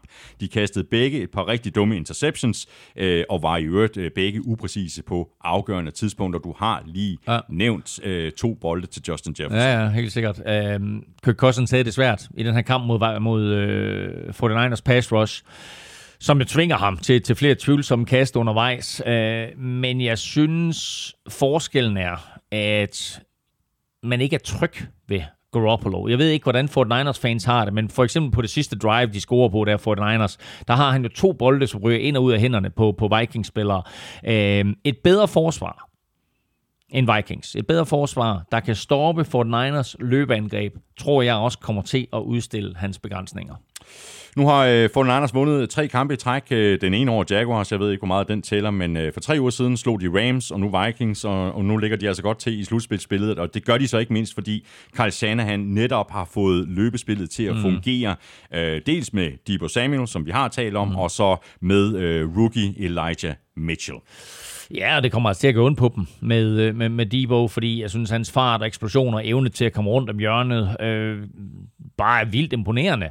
Øh, og så blev han jo pludselig også brugt som decoy, øh, hvilket jeg ikke synes at have set før, men når man har vist så mange gange fra 49ers side, at han at, at han kan løbe bolden, og man er villig til at give ham bolden som running back, så kan man jo pludselig også bruge ham til at lave play actions med. Øh, lidt interessant jo, så er han jo officielt receiver, men han har syv catches i de sidste tre kampe. Ja, det er crazy. Nu er han så ude, og så glæder jeg mig til at se, hvordan 49ers ja, ja. de får justeret, fordi han er blevet så vigtig en del ja, for dem. Ja. Men uh, Elijah Mitchell spiller altså også mm, godt. Vikings øh, head coach øh, Mike Zimmer er jo blevet kritiseret for at være for konservativ. Øh, det var han så ikke lige frem i den her kamp, da han gik på den på fjerde down med omkring syv minutter tilbage på klokken. Var du tilfreds med det kald, eller skulle de bare have sparket og fået de tre point, og så sat sig på at få bolden tilbage? Men så skulle de jo stadigvæk have scoret touchdown, fordi de var nede med 8, så de var vel næsten nødt til at gå på den, var de ikke? Ja, der, er, der er mange ting, jeg ikke er tilfreds med. Nej, men det hele, det hele starter jo egentlig med, at Greg Joseph brænder et ekstra point. Det kan man ikke gøre noget ved. Men så synes jeg, at Vikings panikker og går efter to point på det næste touchdown, alt for tidligt i kampen. Den brænder de.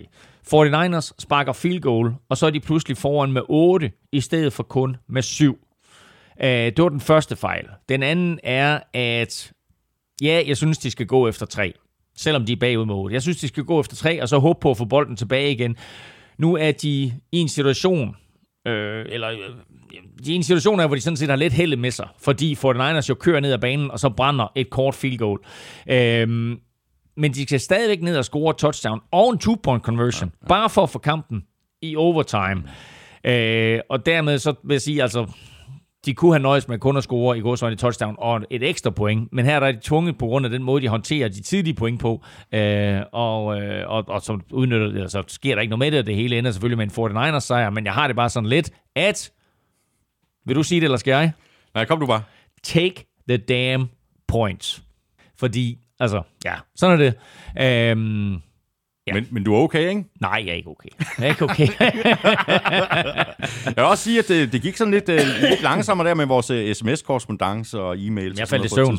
ja, det er god med dig. Godt. Jamen, jeg kørte jo hjem i, i pausen for at se anden halvleg ja. hjemme. Uh, det var nok godt nok. Uh, indspark her fra Anders Erbo Hansen, uh, som jo er mega uh, for den Anders fan. Uh, han spørger ind til uh, Elijah Mitchell. Uh, han skriver sådan her. Er vi ved at være der, hvor Elijah Mitchell er første udfordrer til Mac Jones i kampen om Offensive Rookie of the Year? Det er han nok ikke. Han skal nævnes uh, måske i en, i en top 10, men han er ikke første udfordrer til Mac Jones. Nej, det synes jeg ikke. Jeg synes, der er nogle af de der receiver, altså Jamar Chase, Jalen Waddle, øh, som gør det godt. Øh, der er, et, der, der er et par offensive linemen, som har gjort det godt også, og så selvfølgelig Mac Jones. Øh, Elijah Mitchell har selvfølgelig også gjort det godt. Det imponerende ved Elijah Mitchell, det er, at han jo ikke, han jo ikke engang er den første running back, som 49ers de draftede i den her draft. De tog Trey Sermon ja, i tredje I runde, tredje ikke? runde. Han er, Og, han er femte rundevalg. og Elijah Mitchell i femte runde, ja. ikke? Men det er... Og det, han, har det, altså, han er oppe på 700 yards rushing og 100 uh, receiving yards og fire touchdowns, og han har mistet tre kampe.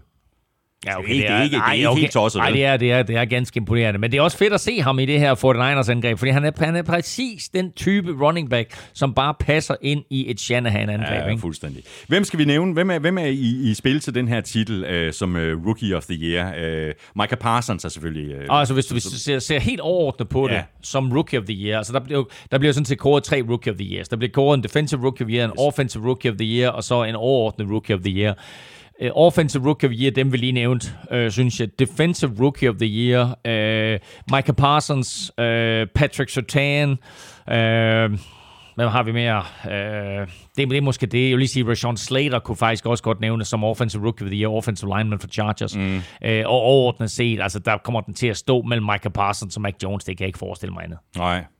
Så er der måske også en uh, Javonte Williams, man kunne nævne. Najee Harris. Nej, Måske- nej. nej. ingen af dem. Ingen af dem. Nej. okay. Carl Pitts. Nej. Nej, heller ikke. Nej. Han er også skuffet lidt. Ja. Ja. Men uh, det er måske, fordi han spiller for Falcons, ikke? Ja, og jamen, altså, der er ikke nogen af dem der, der har produceret som sådan, kan man sige. Det interessante, det er også, at, at nu pludselig, altså så, øh, med, med, med, med Dolphins nyfundne succes her, så begynder vi jo pludselig at tale om Jalen Waddle, ja. og måske, hvis vi snakker defensive rookie of the year, måske Jalen Phillips, hvis han fortsætter på det niveau, han har spillet på her, ikke? Altså, øh, så, så det er jo tit med de her rookies, vi nævner her, at de skal jo helst spille for hold, der vinder kampe. Præcis. Øh, og øh, og har, go- har gode sæsoner, ellers så går de sådan lidt i glemmebogen, ikke? Lad os bare runde den her kamp af. Øh, Vikings er 5 og 6. De skal til øh, Detroit og spille mod Lions. Det er sådan en uh, rigtig get well game, må man da håbe øh, for dig, Elming. Øh, De for var den- tæt på at tabe sidst til Lions. Ja. ja, det tror jeg alligevel ikke, vel. For Niners, de er 6 og 5. De spiller ud mod Seahawks. Drama, drama. Seahawks, de vil gøre alt for at kaste grus i maskinen. Og for Niners har det bare altid svært på Century Link. Eller Lumen Field, tror jeg. Ja, det er, noget, rigtigt, der er, det, er det rigtigt. Ja. Det var det. Det var øh, 12. spillerunde. Lige om lidt, så skal vi sætte vores øh, picks til øh, 13. spillerunde. Vi skal også omkring både Otze-quizzen og Tips 12'eren. Og så skal vi øh, se, om vi kan få nogle rigtige svar i quizzerne. Allerførst så er det dig og dit øh, momentometer, Elming. Har du øh, styr på det? Jamen, det har jeg, fordi øh, det var jo lidt kedeligt i den her uge, at øh, nummer 1 og nummer 4, de sad over, og nummer 2, 3 og 5, de vandt alle. Så 1-5 er fuldstændig identisk med sidste uges, det vil sige Cardinals øverst, Patriots foran Packers. I bunden, stadigvæk Lions nederst, og så øh, ryger øh, Jaguars en tak ned, og Texans ryger en tak ned, eller tre takker ned faktisk, så de ligger dernede og roder i bunden. Og hele momentometeret ligger det sædvanlige sted, og det er selvfølgelig på gulklud.dk. Vi skal have quizzen! Åh, Det er tid til quiz, quiz, quiz, quiz, quiz. Og nu er vi altså nået frem til øh, det tidspunkt i udsendelsen, hvor vi skal se, om vi kan få nogle rigtige svar her i øh, quizzerne, der jo præsenteres i samarbejde med Bagsvær Lakrids. La quiz. Ulala. Det er mig, der skal øh, svare på din quiz først, Ja. Elming. Kan vi lige få øh, gentaget spørgsmålet? Jamen, øh, det var jo øh, forholdsvis øh, simpelt spørgsmål, nemlig at Keenan Allen har nået 700 catches i karrieren, og han gjorde det på 111 kampe.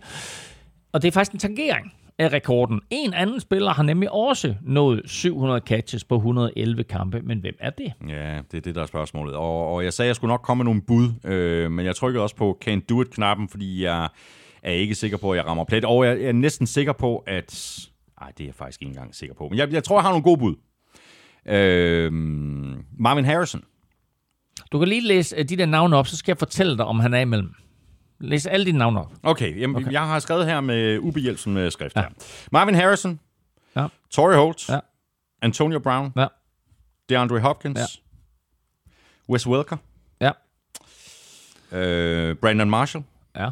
Julio Jones. Ja. Uh, ja. Øh, Larry Fitzgerald. Ja. Andre Johnson. Ja, okay, ja, den er god. Den, det er et godt navn. er det Andre Johnson? Nej, det er ikke. Jeg siger bare, det er et godt navn. Øhm, ja, godt. Godt, det var det. Så har jeg ikke mere. Nej. Øhm, Synes du, det er en god liste? Jeg synes, det er en god liste. Jeg tænker, der mangler et enkelt navn. Gør der ikke det? Hvad med, Nej. Nå, hvad med, sådan, hvad med sådan en fyr som Odell Beckham Jr.? Mangler han ikke? Jo. Jo, det gør han. Er det ham? Ja. Nej, det er den nemlig ikke. han, han, han er blandt dem der, du har der. Nå, okay. Nej, fordi jeg, jeg, Odell Beckham, jo jo, han, han startede hans, hans øh, første to sæsoner for, for, for Giants, måske også tredje sæson var jo fuldstændig crazy, men Ja. så var det ligesom om, at så gik det lidt ned ad bakke. Jeg, jeg tror ikke, han er øh, oppe i en uh, top 10 eller top 20. Det ved Nej, jeg, jeg ved, Det ikke, jeg ved ikke, hvem der ligger i top 10-20 stykker. Jeg har kun nummer, nummer 1 og nummer 1. Keenan Allen. Og en af dem, du har derovre. Ja. Så hvem er det? Ja, men øh, det, det ved jeg ikke. Øh, Så må jeg bare tage dem i den rækkefølge, som jeg kom, øh, som jeg kom Ja. på dem. Og det er Marvin Harrison. Nej. Nej. Torrey Holt. Nej. Antonio Brown. Ja. Nå, så det der. Ja. Øh, Jamen, Jamen, var, øh, der nå, var crazy. en, du havde. Øh, jeg vil lige sige, Wes Welker er jo et fantastisk godt bud af dig, men tænk på, at Wes Welker spillede længe i Miami, inden han kom til New England Ja. og begyndte at få de der 100 catch sæsoner. Ja, men der greb han godt nok mange bolde. Det gjorde han. Men det gjorde Antonio Brown også, fordi han kom ind i, i det her Big Ben-angreb, og der var Emmanuel Sanders allerede, og der var også Mike Williams. Øh, så Antonio Brown var egentlig kun tredje receiver. Og han greb 16 bolde i sin første sæson i 2010. Så greb han 69 og 66, og så blev han pludselig en kæmpe stjerne i Steelers angreb med syv sæsoner i træk med over 100 catches. 110, 129, 136 i 2015, så 106, 101, og den der 101 sæson, der spiller han kun 14 kampe. Ja, øh, og så 104, og så er vi fremme ved, at øh, det slog sådan lidt klik for ham. Øh, og så vil han væk fra Steelers og væk fra Big Ben og tænkte, at han skulle til Raiders. Og så ja, derfra der har det jo været lidt ned ad bakke. Men nu er han altså Super Men Bowl. nu er han tilbage. Nu er han Super Bowl champion. Ja, ja, lad os nu lige se, hvordan den, det går med den seneste sag her med hans øh, coronapas og sådan noget. ikke? Ja, men det er også Han, øh, han er ude i den kommende weekend. Han er allerede meldt ud til den kommende weekend. Om det er et spørgsmål om, at de holder ham på bænken og lige får den her sag dyset ned, eller hvad der kommer til at ske, det ved jeg ikke. Men øh, vi har i hvert fald ikke hørt det sidste til den der sag med Nej, det falske coronapas. Godt, så var der øh, Amstrup Stik quiz. Øh, spørgsmålet lød, hvem af de etablerede quarterbacks, øh, der har startet alle kampene, har kastet færrest interceptions? Ja, og du vil have en top 4. Ja. Jeg Ja, siger det er en top, det er en top 3. Øh, der er to, der deler øh, tredjepladsen. Godt, jeg siger Kirk Cousins. Det er fuldstændig korrekt. Ja. Han har kun kastet tre. Ja, og han kastede en toplan mod Fort Niners her i weekenden, ellers var han på to. Så siger Derek Carr. Han er ikke på listen. Han er ikke på listen. Okay, det år, det var mine to. Det var de to, jeg havde. Pis. Øhm, au, au, au, au. Så skal jeg hjælpe. Ja, øh, så skal du måske øh, fokusere på øh, den selv samme øh, division, som Vikings øh, spiller i. Ja. En forholdsvis okay quarterback. Ja, men jeg, jeg synes bare, jeg synes bare, Aaron Rodgers havde kastet en del interceptions i starten af sæsonen, men han er på listen men, så også. Ja, det er han. Øh, men du kan da også godt øh, argumentere for, at fire det er en del. Okay. Men det er det, han har kastet. Nej, okay, han har kastet fire okay, ja, interceptions. fire. Ja. Godt, og så har vi øh, to quarterbacks, øh, der hver har kastet fem interceptions. Ja. Øh, du vil godt have lidt, øh, lidt hjælp. Ja, ja, jeg er helt væk. Ja, øh, jeg kan give dig nogle divisioner. Okay, Vil kom, det hjælpe dig? Ja, kom med start med divisionerne. Øh, den første spiller spiller i AFC South. Carson Wentz. Det er fuldstændig Ja, korrekt. ja, den skulle, også, den skulle jeg have taget også. Og så Ja, har vi... Øh, Ja, men, det men det fik du ikke. Nej. Nej. AFC Vest. AFC Vest, jeg har jo allerede scoret Raiders fra. Det er i hvert fald ikke med Holmes. Så har vi Justin Herbert, og så har vi Teddy Bridge. Det kunne være Teddy Bridgewater. Det er Teddy Ja, det er Bridgewater. Teddy Bridgewater, ja, men det er ja. da fantastisk.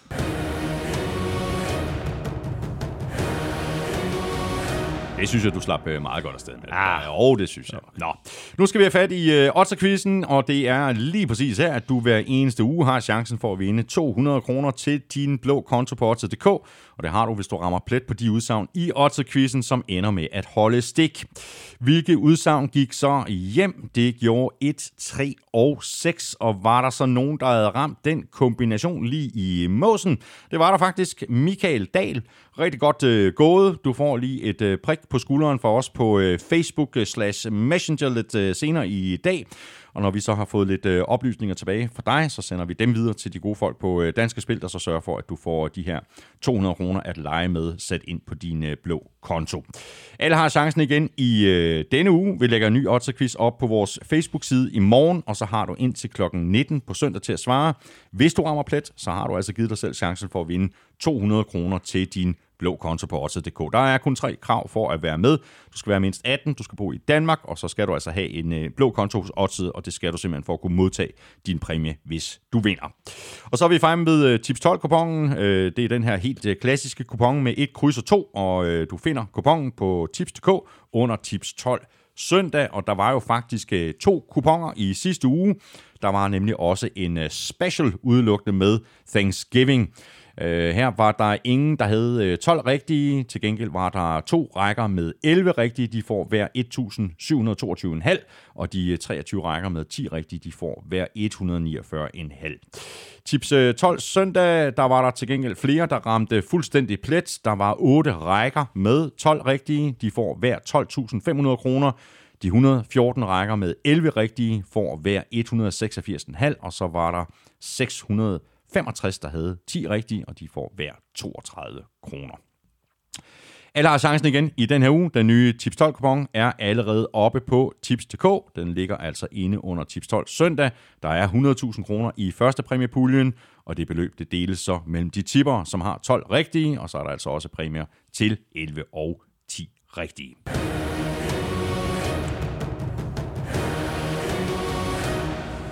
Så er vi nået frem til, at vi skal have sat vores øh, picks til 13. spillerunde. Indspark her fra The Statman Lukas Willumsen. Øh, han skriver sådan her. På trods af forholdsvis stor spredning i jeres picks, endte runden 9-9.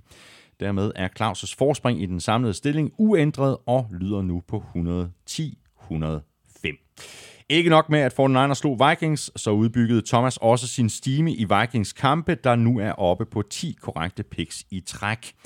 Denne uge venter der dog en øh, udfordring for Thomas, når Chargers skal på besøg hos Bengals. Thomas har nemlig blot ramt en af Chargers seneste syv udekampe. For Claus, der bør fokus rettes mod Broncos kommende kamp mod Chiefs, for Claus har kun ramt en enkelt af Broncos seneste otte kampe. Wow. Og så øh, mødes øh, Bills og Patriots i denne uge i et øh, matchup, der kan være svært at kalde på forhånd, men øh, Thomas bør have selvtilliden i orden her. Det er nemlig mere end fem år siden, at han sidst missede udfaldet af det indbyrdes divisionsopgør. vildt.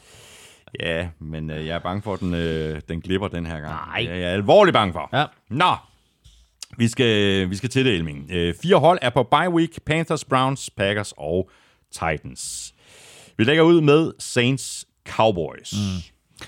Det kunne være virkelig rart at vide, hvem og hvor mange Cowboys-spillere, der er ude med corona. Husk på, at NFL de ingen øh, forbehold tager for øh, hold, der er på corona, så, eller hold, der er ramt af corona, så det er ikke sådan noget med, at kampen lige pludselig bliver flyttet eller noget. Det kan eksplodere øh, over Ja, de næste ja. 24-48 timer med det corona, der er i Dallas. Øh, jeg vælger at gå med Saints. Okay.